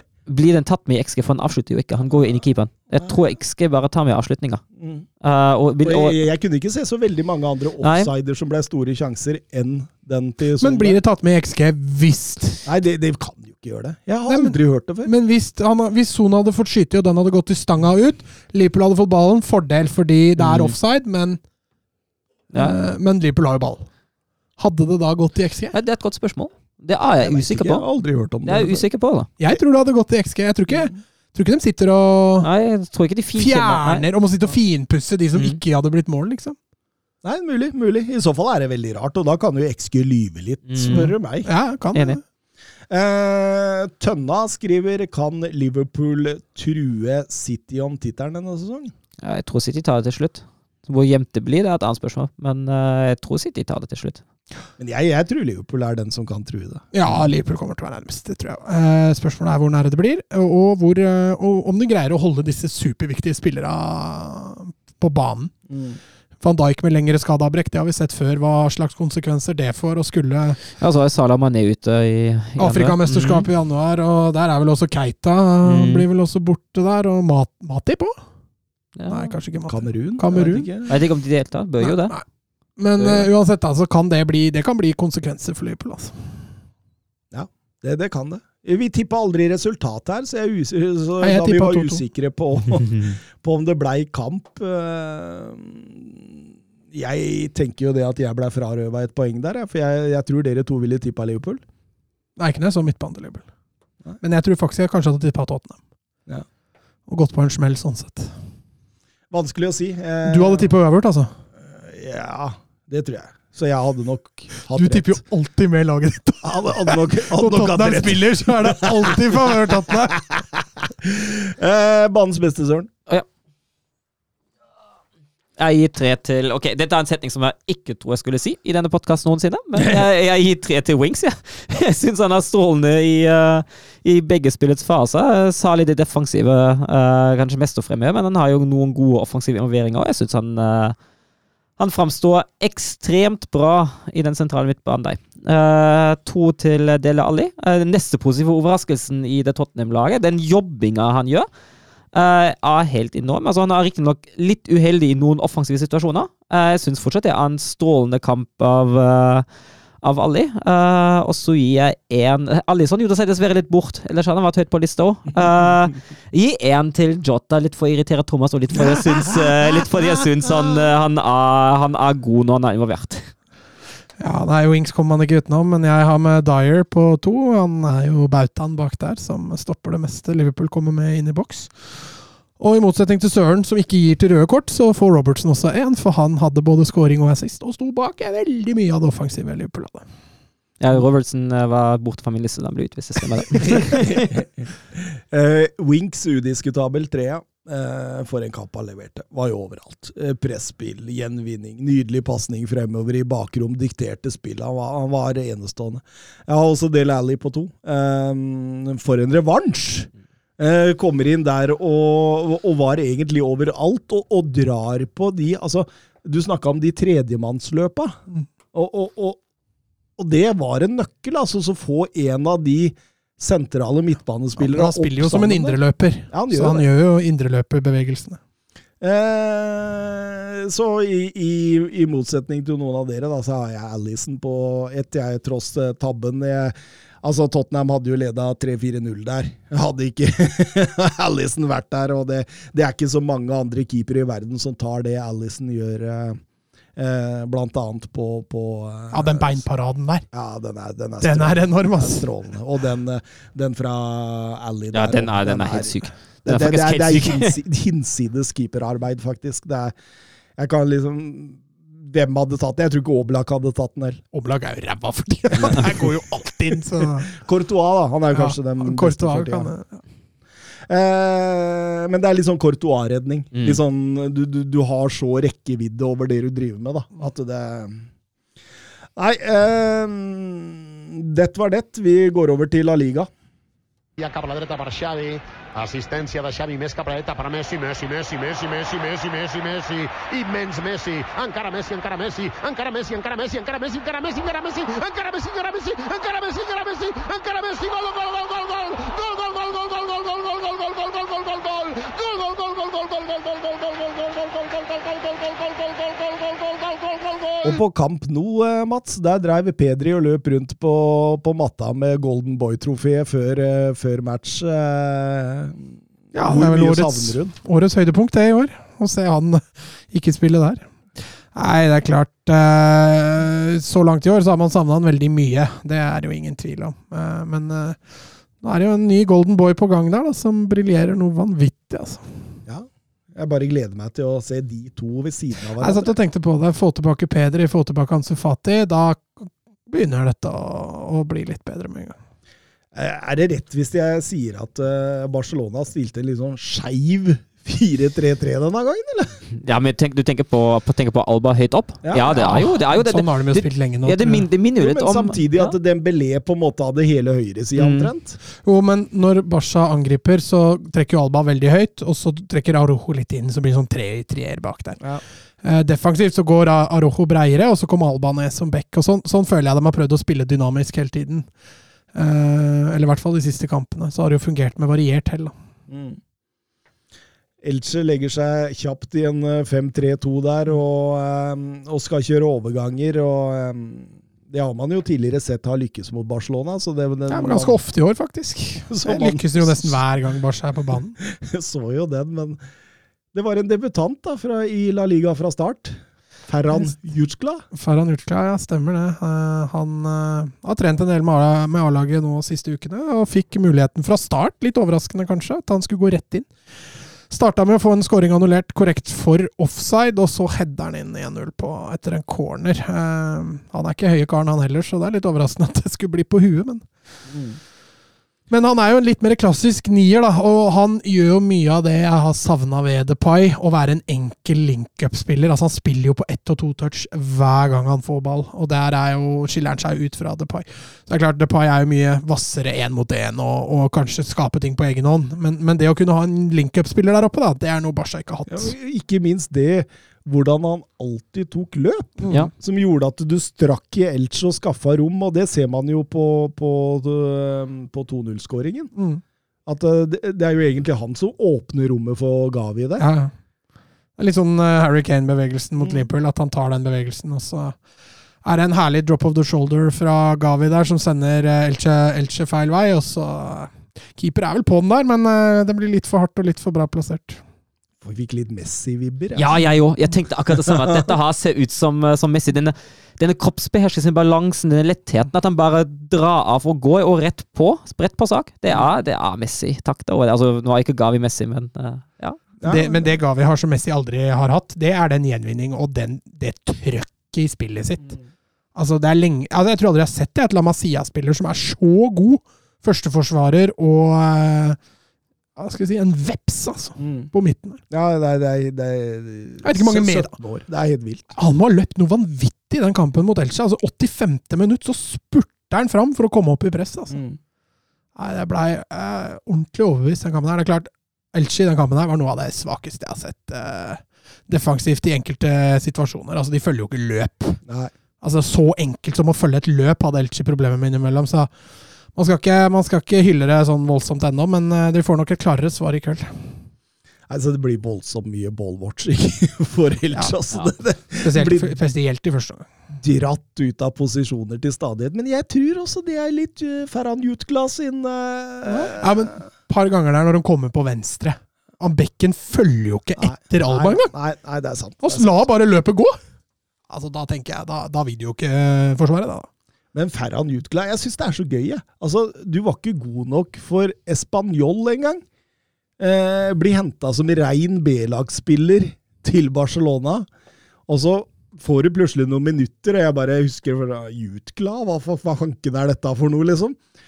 Og så, og, og, så debuterer du fra start da, på en måte i den treningskampen mot Boca Juniors som vi var inne på nede i Qatar der, og setter mål der, og så, så får du faktisk sjansen, da. Altså Og så setter du mål der òg. ja, og, og, og Han har gjort mer ut av seg den tida han fikk spille, enn det Depay har gjort de tre siste gangene. ja, Men hva var det med Depay, siden han var Han ble skada mot Bayern? Nei. Jo, det var med Bayern Ja, etter det stemmer Bayern-match. kanskje, det. Stemmer det. Så Depay er ute, men han er nok ikke tilbake før godt ut på nyår også, så han blir borte en stund. Eh, Men eh, det er jo som eh, kommentator også er inne på der, det er jo, det er jo unggutta som drar lasset i Barcelona nå. Altså, jeg syns Busquets er, har vært eh, Svak. svak, syns jeg. Ja. Altså, han har ikke vært Men det kan godt hende det er fordi jeg tenker eh, litt for mye Busquets prime. Fordi jeg har vært inne på det før i denne podcasten her nå, at det, det, er ikke like intensivt i gjenvinningsarbeidet. Det er, han er ikke like god til å dekke rom lenger. og at han, han, han, han, han er litt sånn der jeg, jeg føler han er litt sånn på nådespiller, da. At han Altså, jeg tror den Barcelona-midtbanen med f.eks. Pedri Gavi og Luke de Jong, eller en Nei. Den, Frenkie. den midtbanen vil jeg aldri Vil jeg aldri ha, Thomas! Men, men det kan jo godt hende at den midtbanen får du se. det veit du aldri. Men, men, men altså, Frenkie de Jong, og det, det jeg tenker på også, at f.eks. en Nico da, inn der, så tror jeg man hadde blitt mer Altså Det blir mye mer dynamisk, i hvert fall. Det er ingen tvil om. Men Busquets offensivt, et par av de gjennomspilla han har, også i den kampen her Han er jo faktisk den mest kreative spilleren eh, Barca har på midten. Ja, men det er også han som har, får mest rom, da, på grunn av sånn Elche spiller. Så har han brukbart med rom når Barcelona er i possession. Jo, men gjennombruddspasningene når Barca er offensivt, ofte Busquets som slår dem. Ja. Jeg er enig i det at det er defensivt så dekker han ikke nok rom, men eh, Hvor mange av dem ble mål, da? Uh, I den kampen her? Ja. Ja, det var corner. Den andre var Gavi. Jo, det er Gavi, da! Det er Ga- Gavi sine. Ja, men Det var ikke den spesifikt jeg tenkte på, da, men, men uh, Poenget mitt er det at jeg ser at det fortsatt er god verdi i han. Ja, det, å bruke den. Ja, jeg, jeg, jeg liker den ikke. Ikke Nei, men det er etter etter Interkampen. Du har hengt deg helt opp i den. Nei, men altså, jeg, jeg, jeg, har jo sett eh, Busquets sine bruksområder over ti år, jeg òg. Men eh, jeg, nå, nå føler jeg altså, det, det er et par av disse returløpa sånn, så han ser ut som han er 40 nå, liksom. Jeg, tror at Barcelona hadde tjent da, på å begynne å spille inn på en måte en ny sentral der. Luke de Jong. Ja, Luke de Jong. Vi tar han. Av alle Luke de Jong. Men, men, men, men Frenkie eh, Vi får spørsmål, da. Frenkie, for Alex Bjørkan han lurer på hvor sannsynlig det er at Frenkie drar i sommer, eh, hvis det kommer et bud fra England eller Bayern. Ja, det kan godt eh, tenkes, det også. Alle Barca-spillere tror jeg er til salgs nå, bortsett fra disse unggutta. Eh, så det kan godt hende at eh, det er god butikk for Barca å selge Frenkie de Jong. Han har sett litt mett ut, samtidig som potensialet der er jo så høyt at jeg, jeg håper jo at de får den i gang, sånn skikkelig. Og at han i pivot-rollen til Busquets hadde vært det kanskje ideelle, det, det tror jeg også. Eh, men eh, Busquets og Shawi er jo kompiser, da. Mm. Det er litt sånn kompiskjøring der, og jeg tror ikke det skjer med det første. Nei. Jeg syns Barcelona åpner annen omgang bra òg. faktisk. Eh, men så rakner de hele jo, etter hvert. Ja, men hva skjer der? Ja, Det er jo tre fatale fatale minutter, og igjen syns jeg Ter Stegen viser litt sånn vaklende keeperspill eh, på den ene goalen der. Og eh, den andre goalen der får han jo ikke gjort så jækla mye med, da, men eh, Nei, det, og det er så typisk Barcelona denne sesongen. Altså, Spiller en grei første gang, god første gang, og så starter man gjerne andre gangen også bra, og så kommer den baklengs, og da begynner ting å vakles. men du, du ser, det ser du jo på 2-2. Eh, Ja. I den frispillingsfasen. Det er jo fullstendig usikkerhet. Arojo spiller opp på Dembélé, ja, som står bom rolig, Mm. eh, og så får Arojo skyllebøtta etterpå. Det er klart Du skal ikke spille på en spiller som har dekka opp og står Nei. rolig, det ser jeg jo, men, men han har ikke så veldig mange alternativer der, og Dembélé Nei. viser seg jo ikke akkurat fram. Nei, og så er jo altså, Steo Arojo også feil når innlegget kommer der. Ja, ja, det gjør nei, han er jo helt malplassert. Um, og så er det plutselig 2-2, og det Men her skal Chavi også ha litt kred, for dette er første gang jeg har sett han faktisk justere underveis i en omgang. For nå sliter Basha på midten. De i, sliter med undertallet på midten. Et par av gutta begynner også å bli litt slitne, og så ofrer han faktisk Jutkla for Nico. Mm. Spesielt bytte, tenker jeg. Og hadde han ikke blitt belønna for det, så hadde han jo sikkert blitt eh, kritisert for det. Garantert. Ja, ja. Og så er det Nico som kommer inn og blir, eh, blir matchvinner etter eh, Og da, og da er det jo det er, altså Gav- Etter 2-2 så er det jo fullt Barcelona-kjør, Ja. og den, den burde jo ha satt flere mål. Det ja, er jo flere sjanser, store sjanser der. Men ga vi forarbeidet der også på Nico. Ja. Mm. Ja. Mm. Jeg er helt enig. Gavi er eh, Det er tre- gave tre til stjerner. fotballen. Ja, det er tre stjerner. det, er, det er fotballgodteri. Ja. Ja. 17 år, altså. 17 år! Ja, han er eh, Nei, gud bedre. Jeg håper han signerer fort som fader. Altså. Ja, det, Tenk å miste han, da. Ja. Det hadde vært en skandale. Um, tre forskjellige spillere med spansk pass skårte i samme La Liga-kamp for Barcelona for første gang siden Pedro, Iniesta og Theo mot Osasona i mars 2014. Ja. Eh, vi går over til Sevilla mot eh, Atletico Madrid, og du må jo si det butter for Atletico Madrid for tida. Ja, det gjør det. Altså begynner jo med nesten 1-0 i sekken ganske tidlig òg. Få en skåring av Rakitic. Den er jo Altså, du klarer ikke å plassere den med i krysset enn det Rakitic gjør der. er altså. Ja, er helt sykt. Oblak i mål. Nå har ikke han vært veldig stødig de siste matcha, men Oblak i mål, og så fyrer du fra over 20 meter. Ja. Og så Da må du lime inn i krysset, altså, ellers så blir det ikke mål. Ja, det gjør han. Og det er Ja, helt nydelig. Ja, det er, det er hinsides.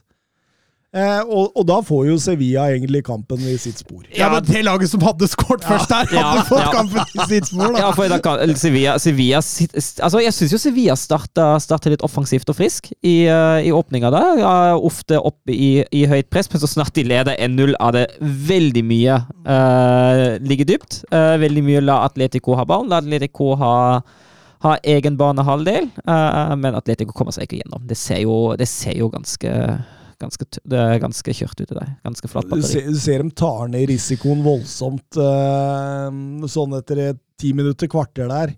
Går det i en sånn 4-4-1-1, står kompakt, ligger balansert eh, med alle mann tilbake i ba banen og, og på en måte sier til Atletico Madrid at her kan dere ta over litt ball. Og, og Det er noe Atletico helst ikke vil heller. Så. altså det, det, det er jo helt greit, egentlig. Men, men Filipe han setter 1-1 etter dødball, og det måtte jo bli dødball, egentlig. Jeg, jeg, jeg satt og tenkte på det i denne matchen her, at det, altså det, det er to måter dette her kan bli mål på, liksom. Det er dødball. Eller bytte inn Felix. eller, så, eller så er det eh, et eller annet Tilfeldighet. spinnvill tilfeldighet. Ja, Langskudd. Ja. Ja. Eh, og når Felipe setter 1-1 der, så altså, da, det, det ser ut som laga blir liksom enige med «Å, ok, Da går vi til pause med Mm. Ja, Altså Den kampen her var det lov å frykte på forhånd. Jeg tenkte at her kan det fint bli 0-0 uten Altså, det blir jo, det blir jo, det blir jo to til tre mål mer enn forventa. Det gjorde det. Men spillet blir sånn cirka som forventa. Ja, altså det var jo, altså Spillet er helt enig. Sjanser og sånn var få, blir jo ikke mye sjanser, men, men det var tidvis ganske intenst. da, Spesielt Mm. utover andre omgang så syns jeg det ble knøt seg litt ekstra til. Atletico begynner nå å havne litt etter. Sevilla ønsker selvfølgelig å holde følge med, med Real. Så da, da blei det plutselig litt som sto på spill. Selv om ikke det resulterte i finspill og masse sjanser, så blei det i hvert fall litt action. Ja, det blei ble tidvis litt ampert. Mye dueller der. Eh, Suárez ble bytta ut, var ganske demonstrativ mot Ja, ja. Og han prata uten å dekke til munnen, og det gjør spillere kun når de er skikkelig, skikkelig, skikkelig forbanna. Ja, Spørs om ikke han Simione ser på det der og hva han tenker om det. Mm. Eh, Sjuende kamp uh, uten scoring nå. Er, vi, er, er, er El Pistolero ferdig? Nei, altså, men jeg, jeg føler jo at det er jo det et symptom uh, på den sykdommen som, uh, som Atletico har i, eh, i det offensive spillet. Suárez er ikke en spiss som skaper noe på egen hånd. Suárez må settes opp, og det sliter jo Atletico voldsomt med om dagen. også. Mm. Så jeg vil ikke bare skylde på Suárez. Nei, Jeg er enig med deg. Det er, eh, Atletico har et offensivt utfordring nå, samtidig som de alltid slipper inn et mål eller to. Mm. Eh, og så lenge de ikke greier å finne ut av de to tingene der, så, så kommer ikke Atletico til å ta så veldig mange poeng. Så de, de må eh, finne en kur på hvordan de skal løse dette problemet her. Men det er jo som du var inne på, Mats. eh, Felix kommer inn, gjør en god jobb, syns jeg. Jeg skaper litt mer med en gang. Ja, med en gang. Og jeg syns jo egentlig Atletico Madrid er best fram til uh, 2-1 til Sevilla. ja. Nei, det er Sevilla og eh, Lucas Ocampos som eh, ordner biffen helt, helt på tampen der. Og, og eh, som du sier, jeg føler at uh, de røver litt med seg de to siste poengene der. For 1-1 i den kampen der hadde vært egentlig helt greit. Gjett hvilken, hvilken XG Sevilla hadde i den kampen. der. 0,3. Ja, nesten 0,37. De får to mål ut av 0,37 i XG. Men det er på det målet til Ocampos. Eh, Ja. Langskuddet til Ja. Rakitic Det er 0,01. Ja.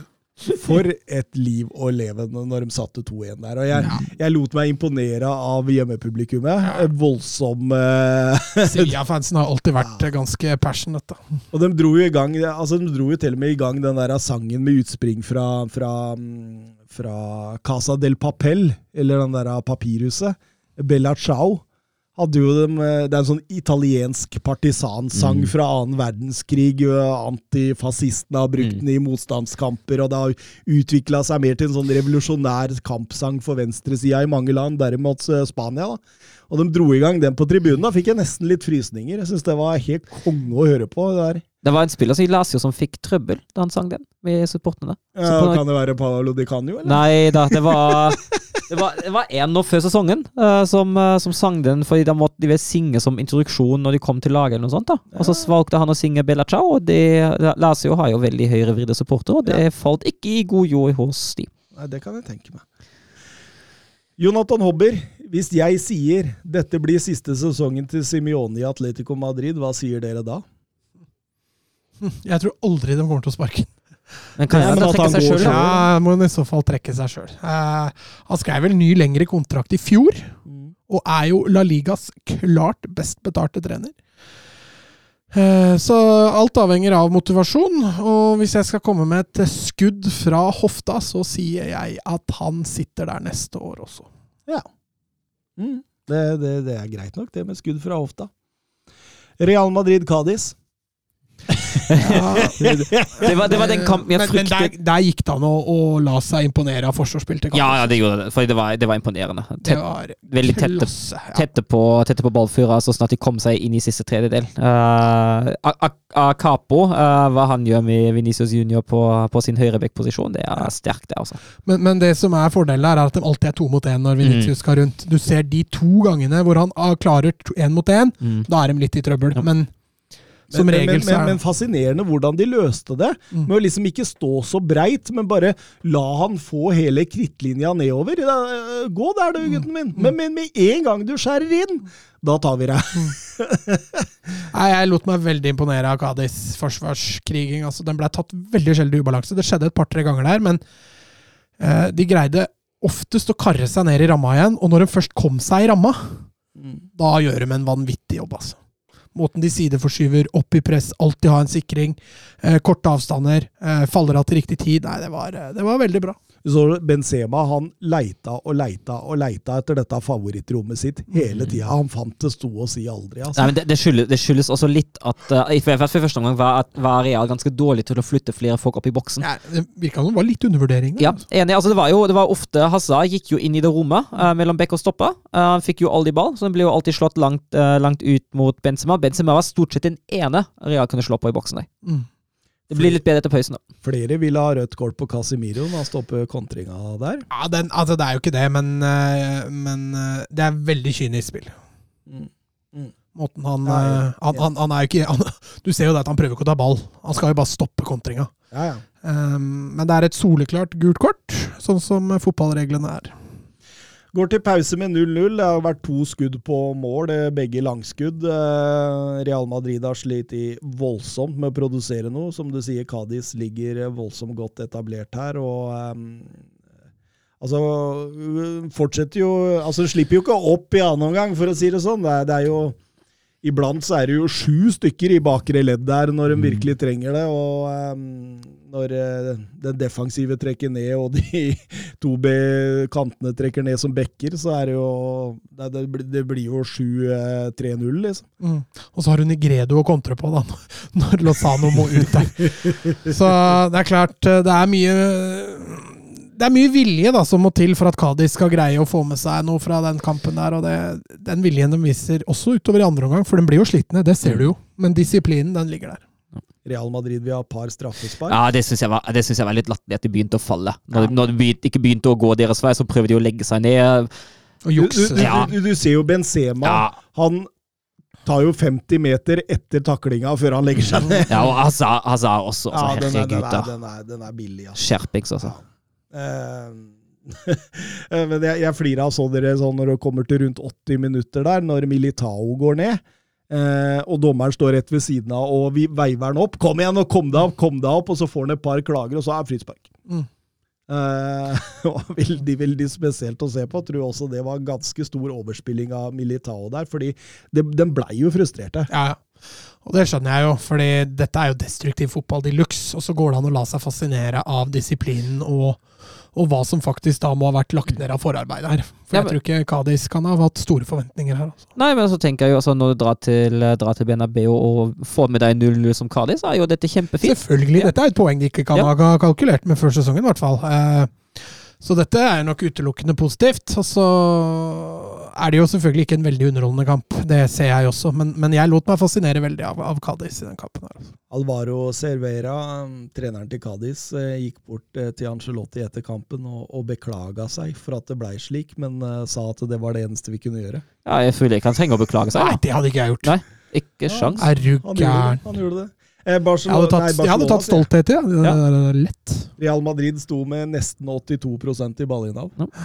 Det er det, det Og, og den kjempesjansen Negredo hadde på slutten. Ja. Hadde jo vært tidenes ran om han hadde satt den, men eh, Tenk om han hadde satt den! For den var jo kanskje en av kampens største. Ja, jeg var jo det. Oi, oi, oi, oi, oi, oi. The Analyzed gikk ut med en XG på 3,11 til Real Madrid der. Det det- fikk ikke jeg til opp å gå. Nei, altså, den, den sida jeg bruker, uh, da står Real Madrid med en XG på 2,8, Ja, faktisk. det er også Ja. Ja, da er vi, da er vi der! Ja, Der var vi ja var der, ja. jeg tenkte. Ja, for det, Altså, hvorfor så høyt? Altså, han har jo noen kanonredninger på slutten her, da. Det er det som er. Mm, ja. Mm. Han har jo det. Men det er, altså, den XG-en må jo stå omtrent til null i første omgang. Ja, De har to langskudd. Mm. ja, på 1,45. Da står han på 0,41. Nei, jeg, jeg fikk ikke det til å gå opp at det skulle være nesten tre XG her. At, det, at Real Madrid skulle produsere omtrent like store, eller omtrent på samme nivå som Tottenham gjorde mot Liverpool, da, for å trekke en parallell. Det gjorde de ikke, ass. Det, det, det der var eh, var, var, var lettkjøpte XG-poeng, tror jeg. Ja, if- ifølge den timing charts er det veldig mange små avslutninger. Det er ikke, det er ikke, kjempe, det er ikke mange kjempesjanser, men litt sånn uh, små drypp her og der. Kommer liksom litt sånn inn på sju-åtte meter noen ganger, og så Mm. blir de blokka. Ja, og det, det teller jo inn, jo. Og det gir jo litt, uh, litt på X-Gan, selvfølgelig. Vi må over til Bundesliga. Er macht ein richtig gutes Spiel. Jan Schimonek. Die Wolfsburger lassen so gut wie nichts zu. Grafit. Grafit gegen Lell. Jetzt wird's eine Demütigung. Guckt euch das an. Bist du verrückt? Bist du verrückt? Tor des Jahres. Die Bayern. Og da, Søren Døpker, da skal du få snakke litt Bayern München. Å, må jeg? eh, Må jeg virkelig? For en gangs skyld altså, jeg har jeg sett en Wolfsburg-kamp, for veldig ofte overlater jeg det Eh, ansvaret til deg. Ja, men, vet du hva, eh, det kunne du like så godt latt være. Også det der var jo ja, men altså Altså, han, han går Altså, han går jo inn Altså, han går jo inn som Kades går inn mot Real Madrid, da. Bare uten det gode forsvarsspillet. mm. Uh, men presshøyden er ikke like høy. Uh, en dyptliggende 5-4-1. Uh, altså, Verrås som førstepresident står jo 30 meter inn i egen halvdel. Det er jo helt sykt. Uh, altså, og Hvis du sammenligner den inngangen da med f.eks. hvordan Mainz og Freiburg og diverse andre klubber valgte å angripe den bortekampen bort mot Bayern, er jo noe helt annet. Mm. Mm. Og jeg blir jo irritert fast der. Altså, det er jo greit å ikke gå på en åpen kamp, men å variere presshøyden litt og stå litt etter når man har en ledning, det hadde vært noe. Uh, den feige inngangen der likte jeg ikke, og samtidig altså, altså er det feig inngang, og samtidig er ikke særlig tett i forsvaret engang. Nei, altså det, Bayern får jo tidlig 1-0 der med Thomas Müller, og det er et ettertrykk der hvor Gnabry vel som fyrer av fra 22-23 meter, og Castells gir jo en horribel Ja. retur der, rett ut til Müller som sendte 1-0. Og, og, og i tillegg der da, så er det Bornao som Ja, ja. opererer offsiden også. Ja. Ja, alt går jo mot. ja men uh, jeg syns ikke Bayern skaper sånn voldsomt mye i første omgang. Uh, de, prøver, de prøver jo å sette uh, og skyve Mosiala opp i, uh, opp i mellomrommet hele tida og prøve å, å bruke ham til Det er jo de høye gjenvinningene til Bayern Ja. Som gjør at du får det evige trykket. Mm, ja, ja. Jeg er enig i det at de skaper jo ikke de der eh, voldsomt store sjansene med jevne mellomrom, men Wolfsburg kommer seg jo Nei, Wolfsburg- nære mål. Altså, Wout Weghorst har vel en gigantsjanse, Han er to. men bortsett fra det, er de over midten? Nei. Har de tre pasninger etter hverandre Nei. over midtbanen? Har ikke det. Det er flatt, flatt batteri. Og så, tenker jeg det neste at nå, da Kofeld kom, han starta med femX-linja. Og så har han gått vekk fra det, for han mente at nå, nå skal vi spille, spille simpelt igjen. eh, Og det simple er nå å spille firebacks, så har han spilt firebacks-linja nå de siste kampene. Og så drar han til Bayern og har åpenbart utdelt defensiv stabilitet, og så går han tilbake til den fembackslinja igjen som han sjøl har sagt og sett ikke fungerer sånn voldsomt bra. Hvorfor? Hva, hva er grunnen til det? Altså, jeg, jeg, forstår meg ikke på det, og jeg, har gitt opp det da, altså. Kårfeldt. Han, kom, han kommer til å få fyken i, uh, i februar, så kommer en eller annen uh, kar inn som bare skal redde oss fra nedrykk den sesongen, og så er vi da vi starter med Ja, ja, for eksempel. For eksempel. Tror ikke at Labadia kommer så lenge Schmatke sitter som, uh, som sportssjef. Ja, nei, han, eh, han kan bare glemme. Men, uh, men Men du sånn ville ha en Favre? Ja, Favre hadde gjerne tatt. Jeg, jeg veit ikke om jeg hadde Altså, Det er en klar identitet, da. Favre har en klar identitet, og med Favre rykker du i hvert fall ikke ned. For med K-felt rykker du ned, altså. Alle rykker ned med K... Nei. Ja, han har jo altså, han har klart å ødelegge ett grønt-hvitt lag allerede, så Nei, Men, altså men, men, men altså, det jeg reagerer på her, da, det er jo det at det, skjer ikke noe etter 1-0. Det skjer ikke Nei. noe etter 2-0. Nei, nei, nei, nei, nei. Det skjer ikke Jo, noe etter etter 3-0 etter 3 skal jeg fortelle hva som skjer da. Da kommer Gila Vogi inn. Da kommer enda en defensiv spiller inn. Skal safe 3-0. Ja, jeg, jeg blir så forbanna. Altså, altså, samtidig sitter, sitter det Bartosz Bielek som endelig har blitt frisk etter korsbåndskade. En uh, 21 år gammel polsk uh, talentspiss sitter på benken. Eh, Han får ikke minutter. Eh, hvis du først vil bytte inn en defensivt, da Van de Ven, en ung nederlandsk stopper som den halvtimen han har fått i sesongen så langt, har vist seg veldig lovende, kommer ikke inn. Bytte inn de samme gamle spillerne hele tida. Gila Vogi trenger da pokker meg ikke matchpraksis, altså. Jeg blir, jeg, blir, jeg blir så forbanna på det der. Jeg blir så forbanna på det tullet der. Jeg, jeg er lei. Det er godt det er pause nå. Da. Men det siste man mister i et fotballag, er jo troa.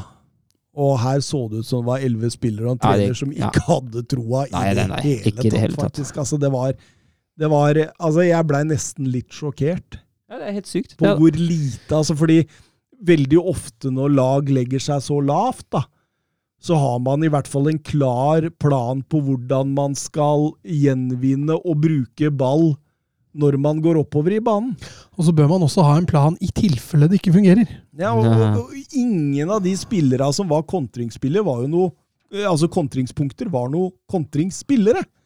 Altså, så, så, og du kan, du, kan gjerne, du kan gjerne sette opp og si OK, fire eller fem av spillere skal alltid gå i kontring. Vi kjører de to bekkene, vi kjører eh, han ene midtbanen, han andre indreløperen og, og spissen, da. La oss si for eksempel sånn.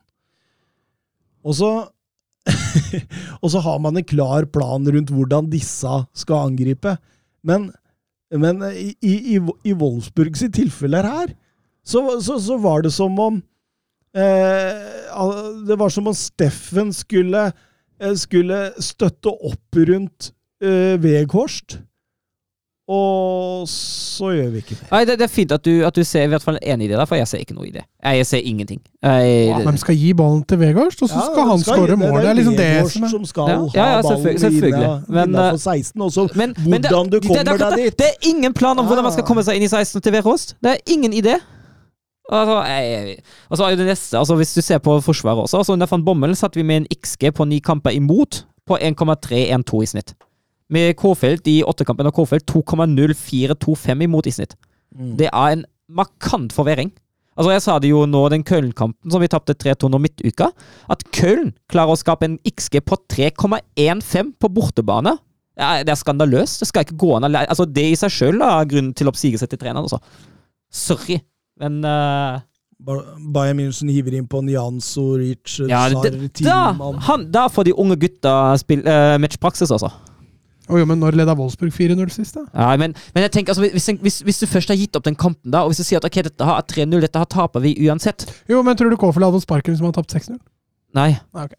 Det tror ikke jeg, jeg tror ikke det. Jeg tror Kofeld er freda fram til, fram frem til de våkna i slutten av januar, uh, midten av februar. At, når, man, når man har tapt hjemme 3-0 mot Hertha Berlin, da våkner de, og da får Kofeld sparken. Lewandowski setter 4-0 der for å, å strø enda mer salt i såret, og det var Bayern Münchens eh, 39. seier på totalt 49 oppgjør mot eh, Wolfsburg. Vet, du hvor mange poeng vi har tatt eh, borte mot Bayern i Bundesliga siden vi rykka opp i 97? Ett. To uavgjort borte mot Bayern. Det, det er helt sykt. Det er ikke mange som har god statistikk der. Nei, men altså, til og med, til og med Borum og sånt klarer innimellom å ta med seg noe der. Altså, når du har eh, hvor mange forsøk er det nå? 24 forsøk, da skal du jo klare å vinne en eller annen, i hvert fall. Ja, det er sant. Og vi kan jo bare fortsette å telle. Dette var den eh, 64. Bundesliga-kampen på rad med scoring for Bayern München. Satte ikke Lewandowski rekord da? Jo, han har mest skårende i et kalenderår nå. Eh, tok den rekorden fra Gert Müller. Og det var vel Thomas Müller sin 400. Bundesliga-kamp, mm. for, for eh, Bayern München. Ja, generelt år har jeg bare spilt for Bayern. Vet du hvor mange poeng Wolfsburg har på de siste seks i Bundesliga? Null. Nei, ett. Ja, Bielefeld borte. Ja, sant, det var to Champions League. For de siste sju, uh, de siste sju uh, offisielle kampene gikk tapt, men det var to Champions League-kamper innimellom der, ja.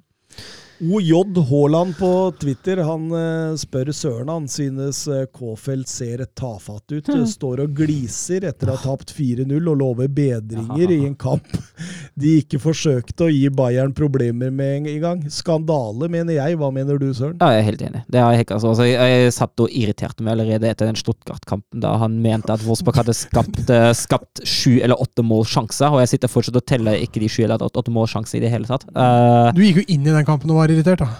Stuttgart? Nei, du!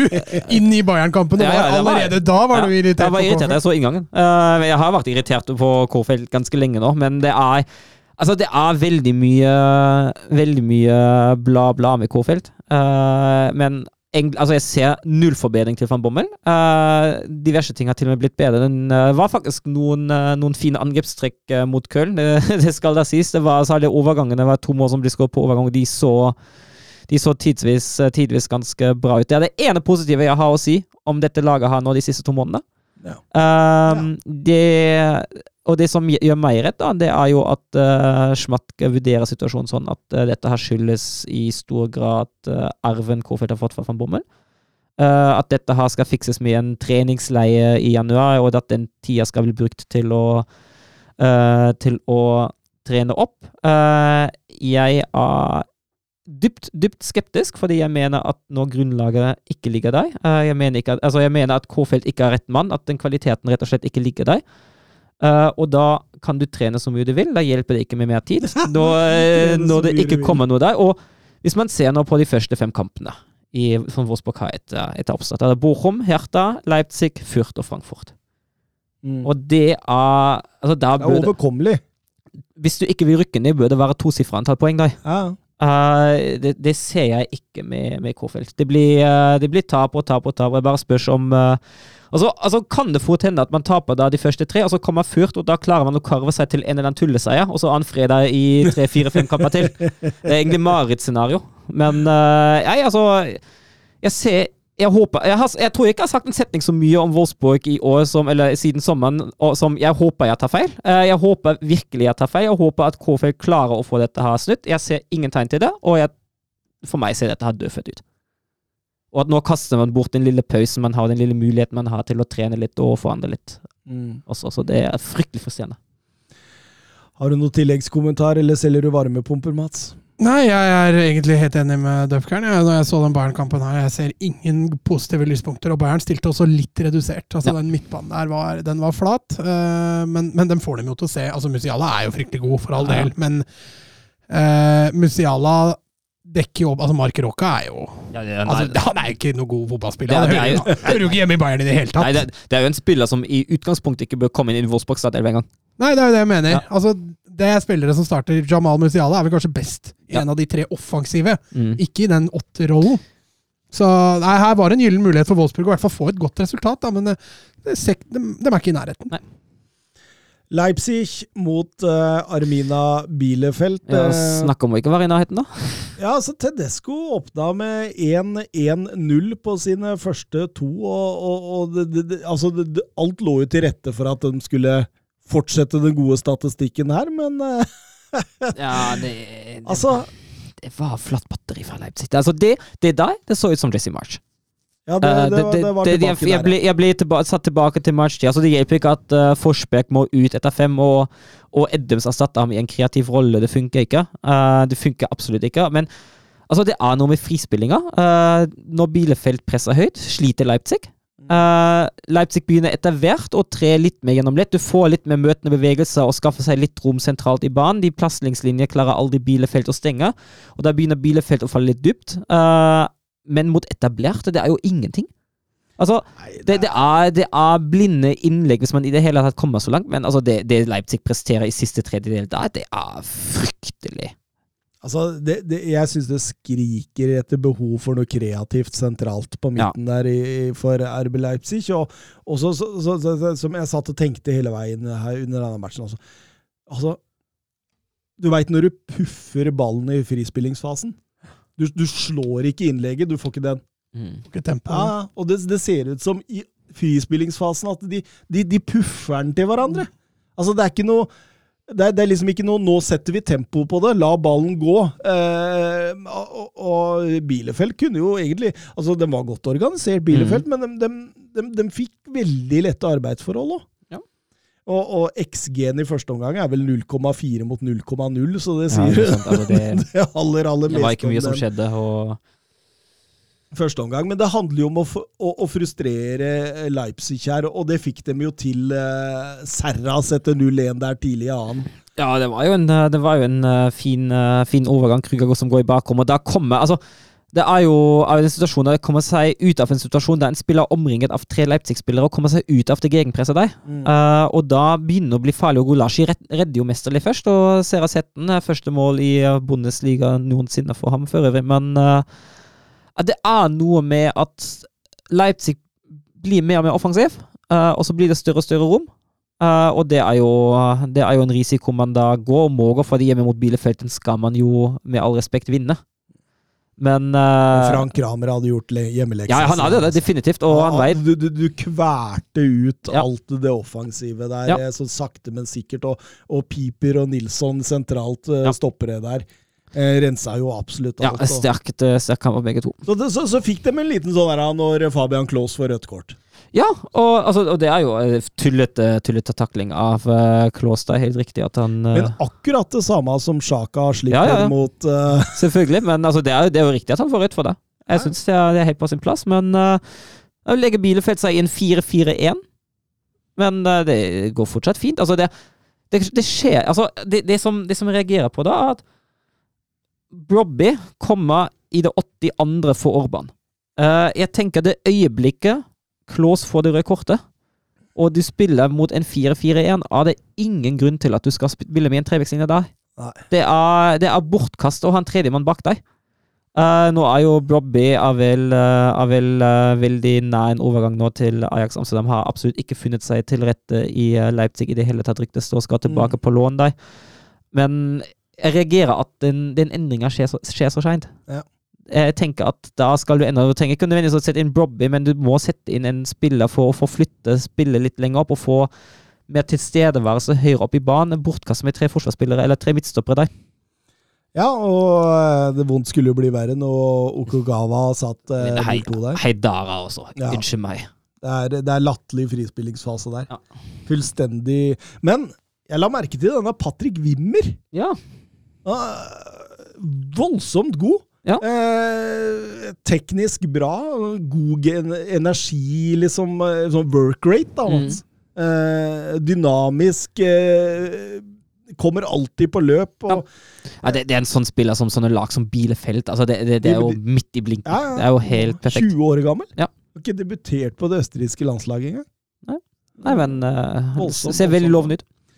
Nei, så RB taper eh, 0-2, og dette var ikke betryggende for Tedesco og eh, Bernt Olav Gjellegjerde Hansen, så kall meg Bernt, som det er Twitter-navnet hans. Eh, hva skjer med Leipzig, egentlig? Ja, altså Det ene er jo at man har ansatt feil eh, Eller man har ikke nødvendigvis ja, Man har ansatt en trener som viser seg å være feil valg. Uh, Allerede? Nagelsmann. Ja, March, da. Jeg tenker ja, ikke på sånn, Tedesco. ja, ja. Jeg tenker Eh, ikke på Tedesco. nei. Tedesco skal da skal, Jeg tenker at han skal få litt mer tid på seg. Jeg så jo, så, så jo lovende takter mot, mot München-Glattberg. og så riktignok ikke den midtukekampen uh, mot Augsburg, og den her var jo flatt batteri. Um, men det er det ene at man har, har fått inn en spillestil uh, som har vært nesten utelukkende kontringsprega, uh, og har mista det man hadde under Nagelsmann med etablert spill. Uh, det ryktes også at det har vært, uh, har vært et, er nå et ledelsesvakuum i laget etter at Sabitzer forlot skuta. Uh, at det er ingen som har, som har fylt opp det rommet der. Nei, for det tenkte jeg på. Hvem er ledere her? ja, det, det, det er det egentlig ikke sånn voldsomt framragende ledere der, da. Og så er jo det neste, hvis du, ser på, hvis du ser på klubbens struktur, de har fortsatt ingen sportsdirektør. Nei. Etter at uh, Krøsje forsvant. Det, men, men, men det var jo altså artig filosofi, da, med å hente mye ungt Ja, ja. Og, og, og det greiene der. Og Jeg tror ikke det bare er enkelt å ta over en klubb etter Nagelsmann. Nei, det tror jeg ikke heller. Spør folk i Hoffenheim òg. Ja, fordi altså, Problemet er jo at spillere skal jo ha vært misfornøyd med March òg, fordi de har, de har ikke hatt så lyst til å bare gå tilbake til ren kontringsfotball. De har visst hvordan det var under Nagelsmann, og de ønsker seg en lignende tilnærming. Eh, og det skal ha vært en av grunnene til at eh, March mislyktes som han gjorde. Vi må ta litt eh, Hertha Berlin-Dortmund også. Det var kanskje den morsomste kampen i, Ja. av de jeg så i Bundesliga denne, denne runden. mhm. Eh, Ikke sett med Dortmund-øyne.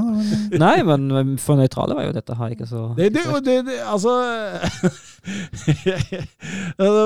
Voldsomt skjørt. Det er det første jeg tenker igjen. Ja. Altså, det, det er så skjørt. Men altså, hvis, hvis, du- du tenker på Dortmund, ikke sant? Ja, ja, hvis, altså, hvis, hvis du ser hva de, hva de stiller med i den kampen bak, da. Ja, det var det, Monier, Wit- eh, Witzel, Pongrasic og Schultz. Ja, og hits i mål. Eh, det sier jo litt, da. Eh, det er vel eh, Av de som spilte, er det jo kun Meunier som er fast inventar i første elven. Schultz har jeg vært, eh, har jeg vært gjennom mange ganger. Jeg syns, uh, syns frispilling Han er jo fortsatt helt ubrukelig i frispillingsfasen. Det er jo Jeg helt syns ikke han er noe særlig brukelig offensivt. Nei, jeg er enig i Det Må jo finnes bedre alternativer i Eh, klubben enn dette. Det Witzel driver med uh, i, i den fryktelige fasen i andre omgang, det er, det er helt skandale. Mm. Eh, altså, ja. Da, da Men de det går sånn, til pause med 0-1, da. Marco Royce. Eh, men altså, altså syns jeg jo at ne, Var det ikke Brann som Jo, Jo, Julia Brandt. Brandt. Det var Brant som skulle. Royce ble ut med skade. Ja. Uh, Brann som, Den- Brandt som, den, er, den er heftig. Brann som skåra. Og jeg syns jo at det er litt Altså, jeg syns Brandt i første omgang er han jo Branns beste spiller. Ja. Han er jo, han er jo den som som leder Dortmunds angrep. Eh, han er den som, eh, som bidrar veldig mye i uh, Regisserer spillet fra midtbaneplassen sin eh, og alt det der. Og så faller han som en stein i andre omgang, for da var han soleklart dårligste spiller. Dortmund veldig gode når de får tredd Royce og Brandt inn i rommet foran eh, Hertha Berlin-forsvaret. Da skaper det ofte gode tilløp. Altså, uh, Hertha Berlin pressa jo veldig med tre sånn flate treer- treere, og eh, Altså, man behøver løp for å strekke opp det der, der da, og det, og det syns jeg Brant og Royce gjorde bra i første omgang. Så må jo Royce ut med skade der. Det er jo selvsagt et hardt slag for, eh, for laget. og Eh, men, men altså Selv på 0-1 der, og, og jeg, jeg tenker jo det at eh, At Dortmund på en måte fortjent gikk til pause med 0-1, Mm. sånn egentlig, utenom et par sjanser av Eklenkamp der. Så, så har en brukbar kontroll, og man tenker så, men, men likevel så, så tenkte jeg i pausa Altså, her er Dortmund sin verste fiende. Det, de er sin egen verste fiende. Dette her kan de surre bort, og det, det var jo det som skjedde. Ja, og så altså justerer jo uh, just, justerer jo Teifon Korkut. Uh, han gjør jo det i pausen. Han, uh, han presser mye høyere. Hertha laget i andre omgang er tidligere på særlig bekkene til Dortmund. Tillater ikke at de spiller seg i like stor grad ut. Og det sliter Dortmund med å, å innstille seg på, altså. For det er en del feil og slurv i frispillingsfasen, og den offensive markeringa av deg til tider er Altså, helt, det- er helt katastrofe. Det er helt skandale. 17 minutter tok det før de lå under 3-1 isteden. Ja, og to av de målene har, kan Brandt i stor grad ta på sin kappe. Ja, uff, det, det, det. Det, det, det, den, den tredje der, det han bare slår vekk ballen. Fikk han ikke en hodeskade i forrige runde? Det kan godt hende den satt men han hadde en bra førsteomgang, vet du. Så det er Ja. derfor det er så Ja, så Nei. Eh, Dortmund får et trøstemål med Tigges, men dette her var Det, det, var, det var dårlig. Det var, altså, det var jo ikke noe altså, Jeg vil jo ikke nødvendigvis si at Hertha gjorde en bra kamp, de heller. Nei, Jeg syns det var generelt eh, mye svakt fra begge sider, og den her skal jo Dortmund ta ti av ti, egentlig.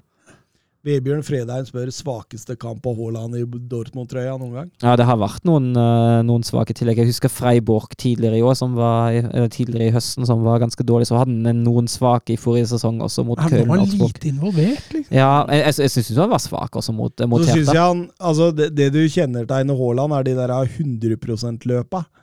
Men det, det var liksom det, det så ikke ut som han. Nei, og så og syns jeg også han, når, han, når han først fikk ballen, gjorde han mye rart med ballen òg.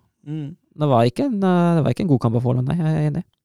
Emre Shan du intervjuet etter matchen. Ja. Han slakta eget lag, altså. Ja. Han sa at eh, ja, det skal ikke skje. Jeg aner ikke hvorfor det skjer, og hele laget må ta seg sammen fra nummer ni på topp til nummer én bakerst. Dette her er uholdbart. Og så ble han spurt sånn kort eh, hvordan ser du på sesongen dere har hatt så langt, og da sa han bare ikke bra.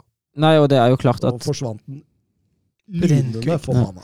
ja, det, Lynende det er klart, nå, nå må man jo la Bayern dra, dra fra igjen og igjen. Uh, og, så, og så er det noe med at jeg skjønner ikke helt hvorfor Rose nå velger å gå tilbake til diamanten. Jeg skjønner ikke det, fordi jeg syns den, jeg syns den diamanten fungerer så dårlig i den offensive markeringa. Den blir så smal, Mm. og Hertha får spilt seg rundt. Ja, absolutt. absolutt. Det han, det, ja, eh, sliter litt med hvordan han skal gjøre dette defensivt, rett og slett. Altså offensivt så er det jo bare Ja, altså, bra, men uh, det er jo det defensive her som, eh, som eh, det, er, det er jo nesten Altså, du tenker Altså, du hver eneste gang motstanderen over midtbanen, er over midtbanen til Dortmund, så tenker man at dette kan bli en stor sjanse. Og hver eneste corner, dødball motstanderen Ja. har, så tenker du at dette blir farlig. Nei, det, det, som sagt, det skyldes til tider også at det er Witzel og Pongaci som er midtstopper. Jo, men det har vært Ja, ja, jeg er enig i det. Enig altså, Hummels og altså, Det er klart det at uh, Akanji er en veldig, veldig, veldig viktig brikke i det forsvaret der. Og når han er borte, så, så, så, så kjennes det.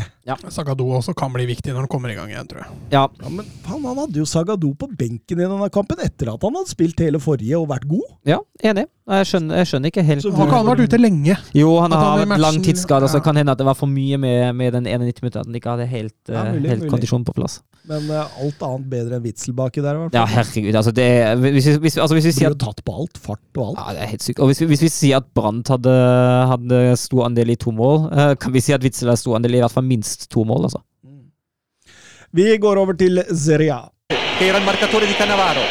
Palla tagliata, messa fuori, c'è Pirlo, Pirlo, Pirlo, ancora Pirlo di tacco, tiro,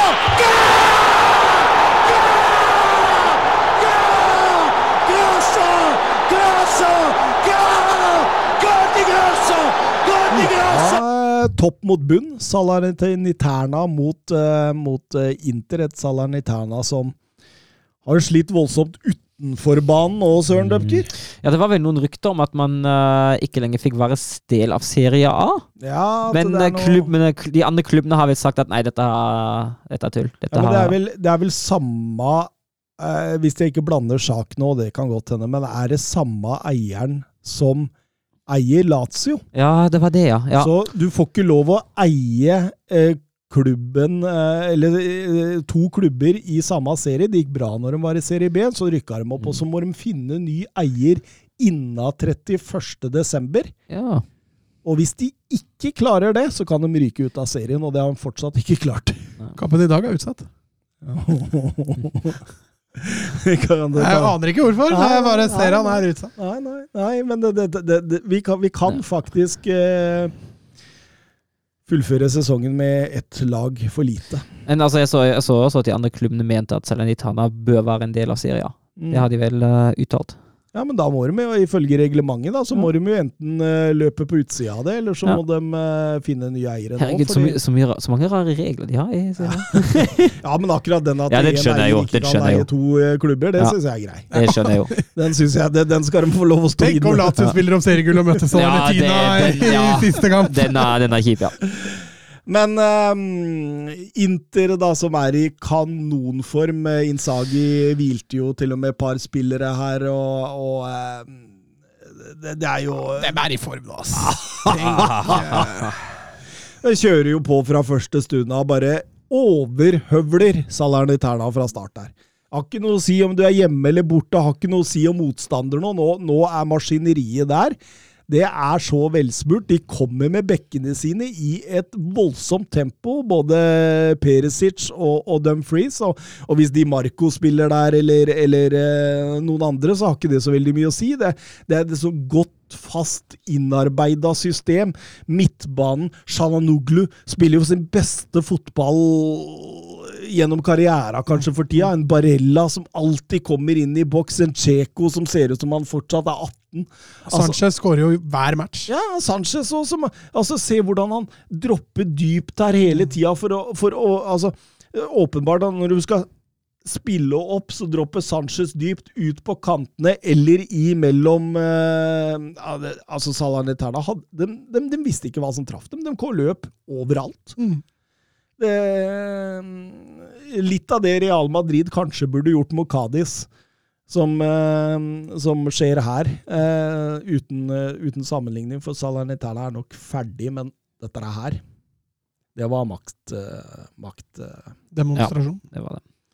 Nesten litt småkomisk at Edin Sjeko ikke hadde skåret til pause der, for han hadde vel en en 10-12 store sjanse. Men eh, Perisic 1-0, Dumfries eh, 2-0, og det, det, det, det intervjuet i 100 i annen òg. Det, det bare tiltok, rett og slett. Eh, Den Sanchez-skåringa er jo helt nydelig. eh, verdensklasse kontring. Ja. Verdensklasse kontring. Eh, perfekt timing. Altså, de er jo, altså, de, den er så vittig, for de er jo egentlig to mot fire. Men så klarer de å vente inn flere interspillere uten at det tar ut noe av farta i kontringa. Og altså Det er en imponerende øvelse, altså. Så det er helt fantastisk. eh, Og, og de eh, sementerer det jo mot slutten her med Martinez og Gagliardini, og, og vinner enkelt og greit som de vil 5-0. Det kunne vært mer. Eh, Bologna Juventus. Eh, litt morsomt før kampstarteren av Sinisa Mihailovic sa at eh, det var en svært viktig kamp, for de møtte en direkte rival. Det har vel ikke Bologna klart å si om Juventus på en god del år. Ja, og Synsforholdene på banen de var jo tilsvarende som, eh, som kvalikkampen mellom Jerv og Brann forrige, forrige uke. Ja, det var en periode du ikke så en dritt. Ja, Det var det. Det var I begge kamper, faktisk. Tåkehav. Tåke, ja. Eh, men eh, Morata setter jo tidlig 0-1 der. Eh, Ja, det er Bernardeschi viser litt kreativitet der. ja, han gjør det. Han gjør det. Eh, bra sånn lang vegg med Mm. Morata der. Morata som har blitt en sånn borte... Han skårer mye borte. Ja, ja. Skårer bare borte, nesten. Eh, men meget bra bra kontring av Bianzoneri der, og, og, og 1-0. Og, og de får jo en god del overgangsmuligheter innledningsvis, Juventus. Mm. Jeg syns likevel Bologna kommer veldig godt fra det. For de kunne jo fort, og burde ha skåra et par mål, de jo. Ja, absolutt. Og de, de, de, de, de får jo mye possession, Mm. og, og, og får diktert spillet mye. Altså, altså litt spesielt liksom å se et Juventus-lag som lavt, legger seg så lavt, liksom, og, og ikke liksom vil bestemme mot Bologna borte, liksom. Ja, det er mulig Juventus har havna litt i den situasjonen nå, at nå må vi bare grinde. Ja. Og Juventus på kontringer, det var ganske vass, den kampen der. Ja, det er absolutt Uh... La du merke til Mathias Svanberg? Ja, så du brassa hans? eller? Ja, åh. Nydelig forsøk. Ja, fy fader, det gikk fort! Spant rundt der. Svenske på 22 år som uh, Men svensker og dansker, det dukker opp i Serie A hele tida, føler jeg. De, de, de har et fortrinn på nordmenn der, ja. Ja. De har det. Eh, veldig lite Bologna egentlig får til da, foran mål. det der Stensen de har ikke veldig mye å gjøre. og Når Codrado setter 2-0, så er det vel gjort, søren. Ja, nydelig skåring, det. Uh, det er ikke at Juventus har spilt en fantastisk offensiv kamp, da, men uh, det holder av, det. Fine mål, da. Ja, veldig fint. Går mål. den via Hikki? eller? Mm. Eh, Juventus er ikke mer offensiv etter 2-0, for å si det sånn. Da var det bare å holde det ut, og, og de eh, vinner jo, eh, vinner jo denne kampen ganske greit. Hvis man ser bort fra 4-0-massakren på Stamford Bridge i Champions League, så begynner Juventus å få gode defensive tall. Kun sluppet inn fire på siste ni i alle turneringer, hvis du ser bort fra den Chelsea-kampen. Så Ja, åtte da på de siste ti. Allegri, da. Som har begynt å stabilisere litt det defensive. Så får vi se hvordan det går fremover. Um, Milan-Napoli. Hva dro vi ut av den? Nei, Napoli gikk jo tidlig opp i ledelsen der og, og eh, spilte litt på resultat. Uh, Milan pressa på for å få en utligning der, og Uh, ja, Det ble jo ikke en sånn voldsomt uh, entertaining kamp, det der. Nei, og du, du, du, du så jo Pioli. Han, han går tom for ideer til slutt, og så til slutt så bare parer han Giro med, med Zlatan på topp. Så da ble det Oliver Ibrahimovic. Eller Zlatan Giro. Oliver Ibrahimovic syns jeg hørtes eh, best ut. Hva var det? Hva var det? Jeg, så, jeg så en på Twitter som, eh, som skrev eh, spiste jo inn- spiste jo en Zlatan og Giro? Det er 4 meter, 75 år og 200 kilo. Ja. Og, og, og, og, til, og en god tilværelse i Hva heter det? Tilvær, til, hva heter det? Til, det, til Du- du har god stedeværelse. Tilstedeværelse i boks, Ja. det, det, det har de jo. Eh, så det blir jo slått mye inn på de, men jeg syns eh, Ramani eh, rydda godt baki der, og, og de, altså og Spina har vel også et par reaksjonsredninger, men det blir ikke noe sånn Nei, du har den der i siste minutt, da, Mm. hvor det blir vill jubel fordi Frank Kessi tror han satt 1-1. Ja, og så blir, blir det vei. Ja, han, også, han ligger jo nede der. Ja, men han, han, han, han er ikke borti banen, han er. Men er det ikke hens på Kalulu? De Ja, det- det for, I forkant Nei, for de Nei, han- viser jo viser bilder av offside. hens og, og tegner opp, og det er de bildene Han, han vi viser jo offside når han annullerer. Han har jo arm i været og viser offside. på en liggende gyro? Ja, det var det som ble annullert. Ja, den er, Ja, det var den eh, hvor han ligger Ja, men altså, altså, Han er jo ikke borti ballen. den er tøff, den der. Den, eh, jeg jeg syns den er veldig tvilsom, å annullere den. Nei, Jeg satt litt med samme inntrykk, at det var litt rart at den Han ligger jo ikke veien for keeperen, i hvert fall. Men viktig Napoli-seier, da. Dette var jo to lag som har tatt fire poeng på de siste fem i Serie A. Så det er jo to lag som åpna fantastisk, og så har det butta mer imot, og da da er de vel oppe A-poeng igjen, er de ikke det? Det er helt riktig, de er, begge. men de er, jo- begge er jo bare fire poeng bak Inter plutselig, da. Mm. Eh, Så det Inter-toget der, det, det har tatt av. Et annet tog som tar av, det er Roma, og nå Nå, Nå, søren! søren, nå skal du få forsvare en eh, for dette her.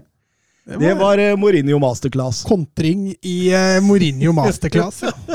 Én av ti. Sanjolo og Abraham styrte showet.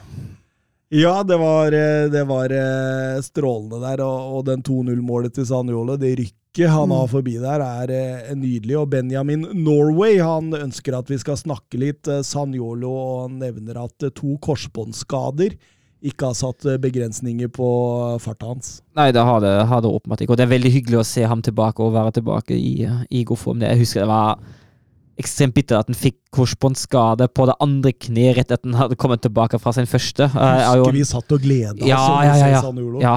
Og han er jo en herlig fotballspiller. Ja, ja. Det er, det er noe på gang der. Rykk og touchen sitter ned. Han har vært Husker du det tilbake. Kakadrivet som Ja. vi snakka om? Han har vært tilbake en liten stund nå, har han ikke det? Ja, men han har ikke helt altså Dette var jo Han- første målet hans på Ja, jeg vet, så det var 514 dager. Men han har liksom ikke vært top notch heller i den perioden. da. Men det er klart det tar jo tid å komme tilbake igjen etter to korsbåndskader. Ja, ja, ja. Men dette var jo Mourinho masterclass. De, de, de eh, lå tett bakover og kontra Atalanta i senk. Mm.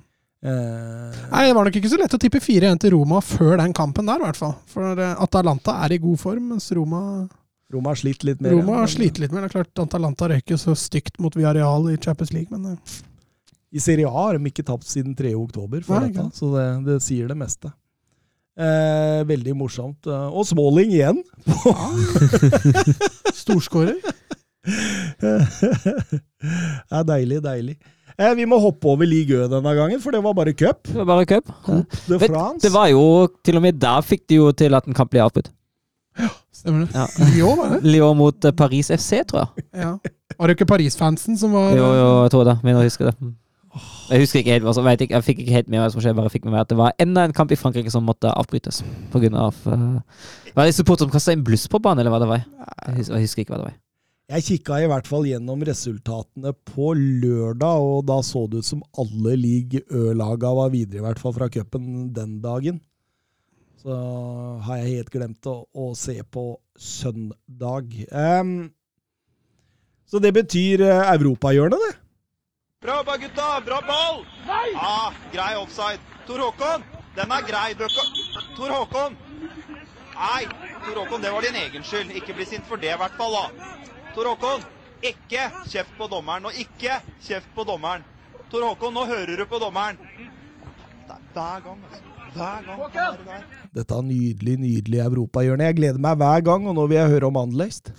Ja, det kan du få. Det var ordentlig toppoppgjør i Belgia med Klubb Brygge mot, uh, mot Anderlecht. Eh, ganske Altså kanskje det største oppgjøret som er i belgisk, uh, belgisk fotball, sånn, sånn å tenke kvalitet. Så det var jo mye å glede seg til. Det blei jo selvfølgelig som det måtte bli. Intens kamp, men lite sjanser. Uh, Klubb Brygge styrte det meste i første omgang. Anderlecht det meste i andre omgang.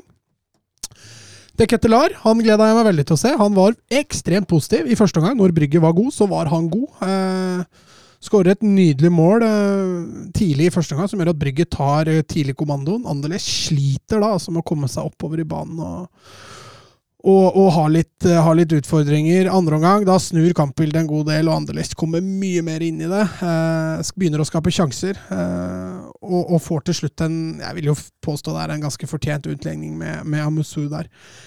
Og bare tre minutter, nei, bare fem minutter etterpå så setter Høtt inn eh, 2-2 på, 1-2 på en dødball. Eh, og da er jo kampen snudd. Kanskje litt uflatterende at Anderlecht skulle ta den ledelsen, men, men sånn andreomgangen hadde vært, så var det i hvert fall ikke noe å si på.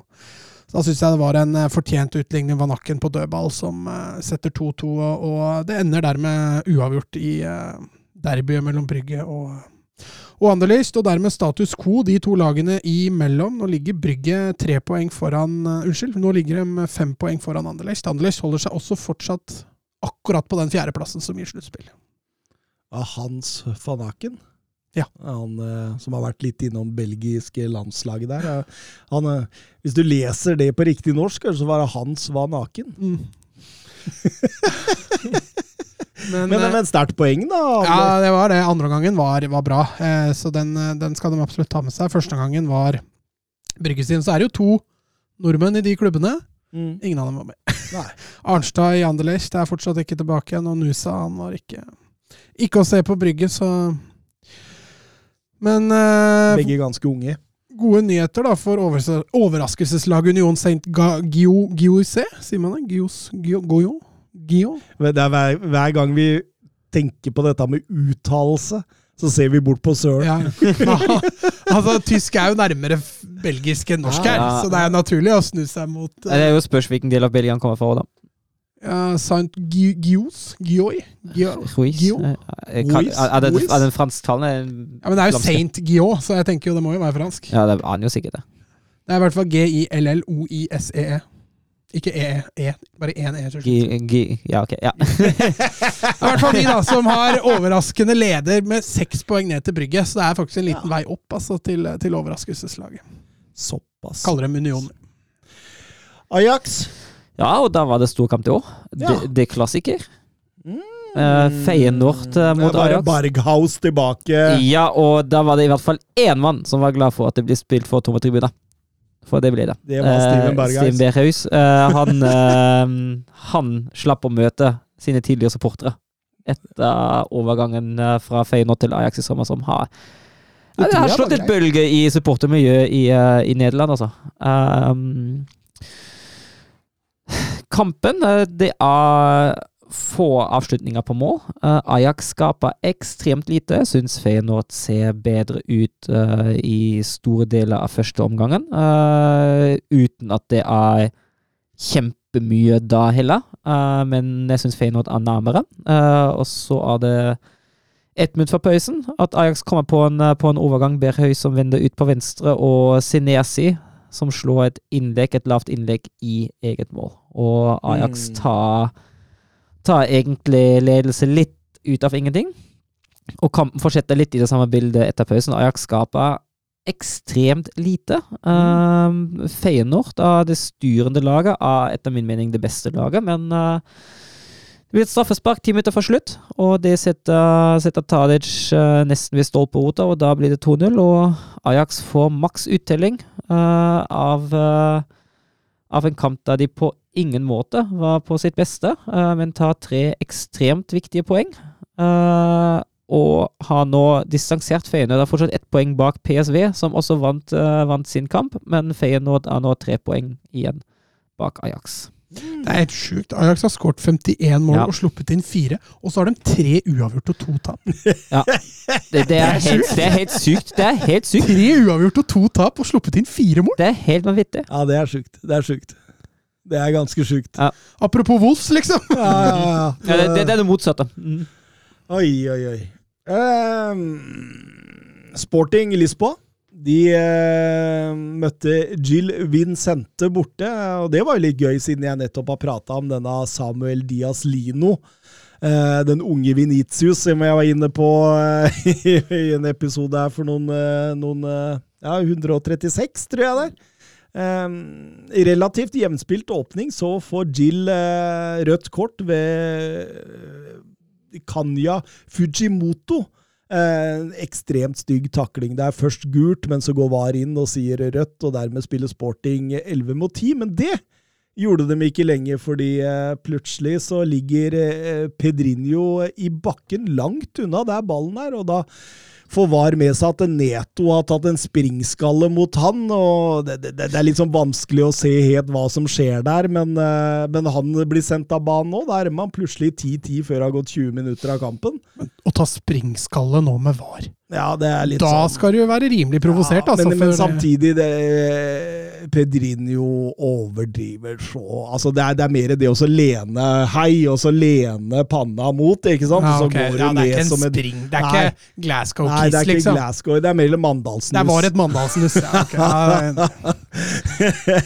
Eh, og, og eh, Sporting får et straffespark eh, rett før pause der. Eh, Ugarte som blir tatt i boks, kanskje litt billig, men eh, Pedro Gonsalves han rettferdiggjør det med å sette ballen lett på Freli, så man går til 0-0 til pause. Og, og, og i annen omgang så tar Sporting fullstendig over. Nuno Santos setter tidlig 0-1. Fortjent skåring. Inacio, denne stopperen som jeg også har vært inne på, setter 0-2 der. og og eh, innbytter eh, Braganca setter eh, 0-3 godt på overtid. og dem. Det, det er liksom ikke noe tvil da. Eh, så veldig godt forskjellen på laga når det begynte å åpne seg rom utover i annen omgang der. Eh, min kjære, gode, gode Samuel Diaz Lino. eh, Den beste av de offensive i Gil Vicente, men ikke noe overbevisende kamp i det hele tatt. og eh, Sporting eh, Tross alt en ganske fortjent seier, eh, Ruben. Amorim har jo også forresten tatt opp en 16-åring i troppen nå, Rodrigo Ribeiro. Eh, ganske stort angrepstalent. Eh, ekstremt god i oppspillspunkt, liksom. Litt sånn stor 16-åring. Eh, landskamper for U16 og U17 er veldig sånn spennende type. så så det kan bli gøy å se om han får minutter utover. Og så, og så kan man ta med det at både Porto og Benfica vant sine kamper, så det er uforandra i toppen da med Porto og Sporting likt i antall poeng, mens Benfica er vel fire poeng bak, tror jeg. Um, Martin Hjort Bjørklund spør på Twitter sterkeste liga nås noen gang. Alle videre i Europa, og flere av lagene spiller veldig bra. Og hvilke spillere går til topp fem i januar derfra? God jul. Ja, det er jeg helt enig i. Det er et uh, God jul. veldig God jul og godt nyttår. Det, er- det er et veldig bra uh, Altså, toppkampene er veldig gode. Uh, veldig underholdende, veldig offensiv type fotball der. De brenner på med alt de har, og har et engasjement og lidenskap og intensitet som er Det, det er veldig gøy å se på. Jeg, jeg storkoser meg når jeg ser Liga Nos-kamper. Og, og mm, det er jo tre klubber som pusher hverandre veldig, da, i Sporting, eh, Porto og Benfica.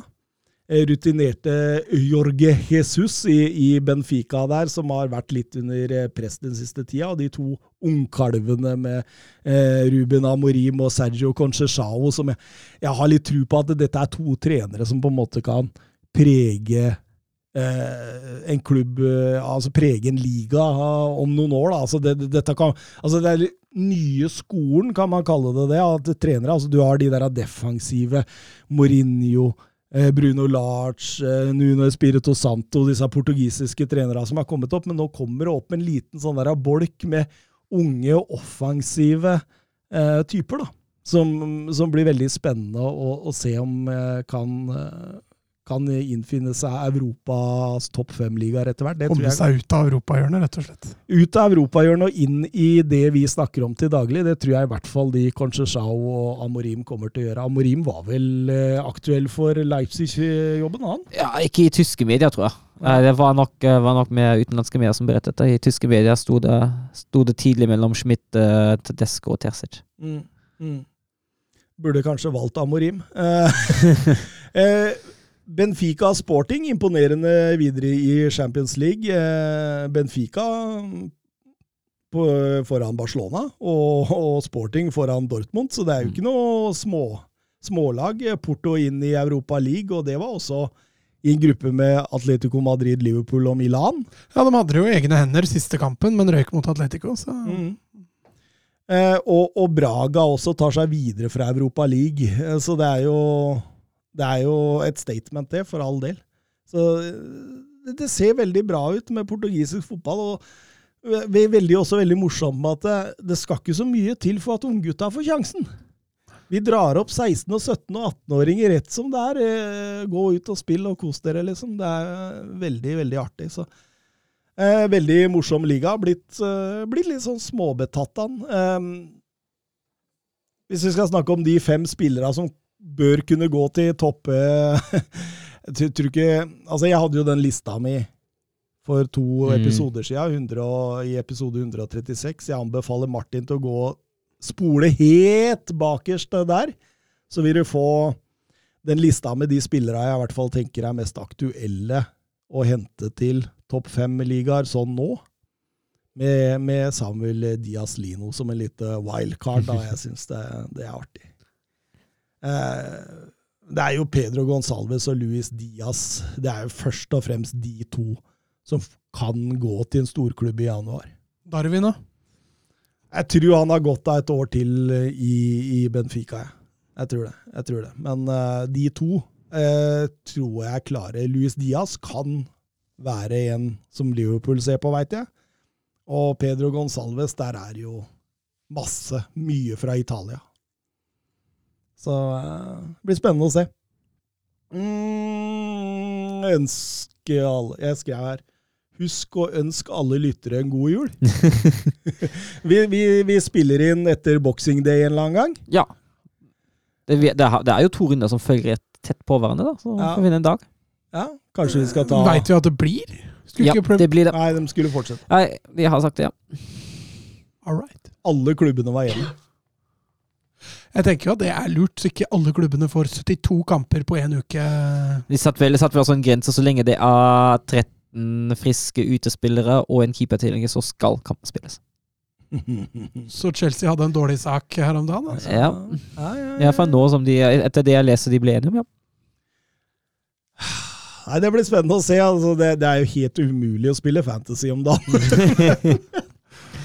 jeg spilte vel med åtte spillere i denne runden her, eller noe sånt. Ja. Men jeg hadde Cancelo, da, så da dro jeg 18 poeng bare på han. Men eh, du skal vel inn og se Sevilla Barcelona? Og ja. Og det drar jeg hjem for å gjøre òg, tror jeg. Jeg har fri i morgen, jeg har juleferie. Jeg gjør det samme, jeg. Skal vi ønske lytterne våre en god jul? God jul! God God jul!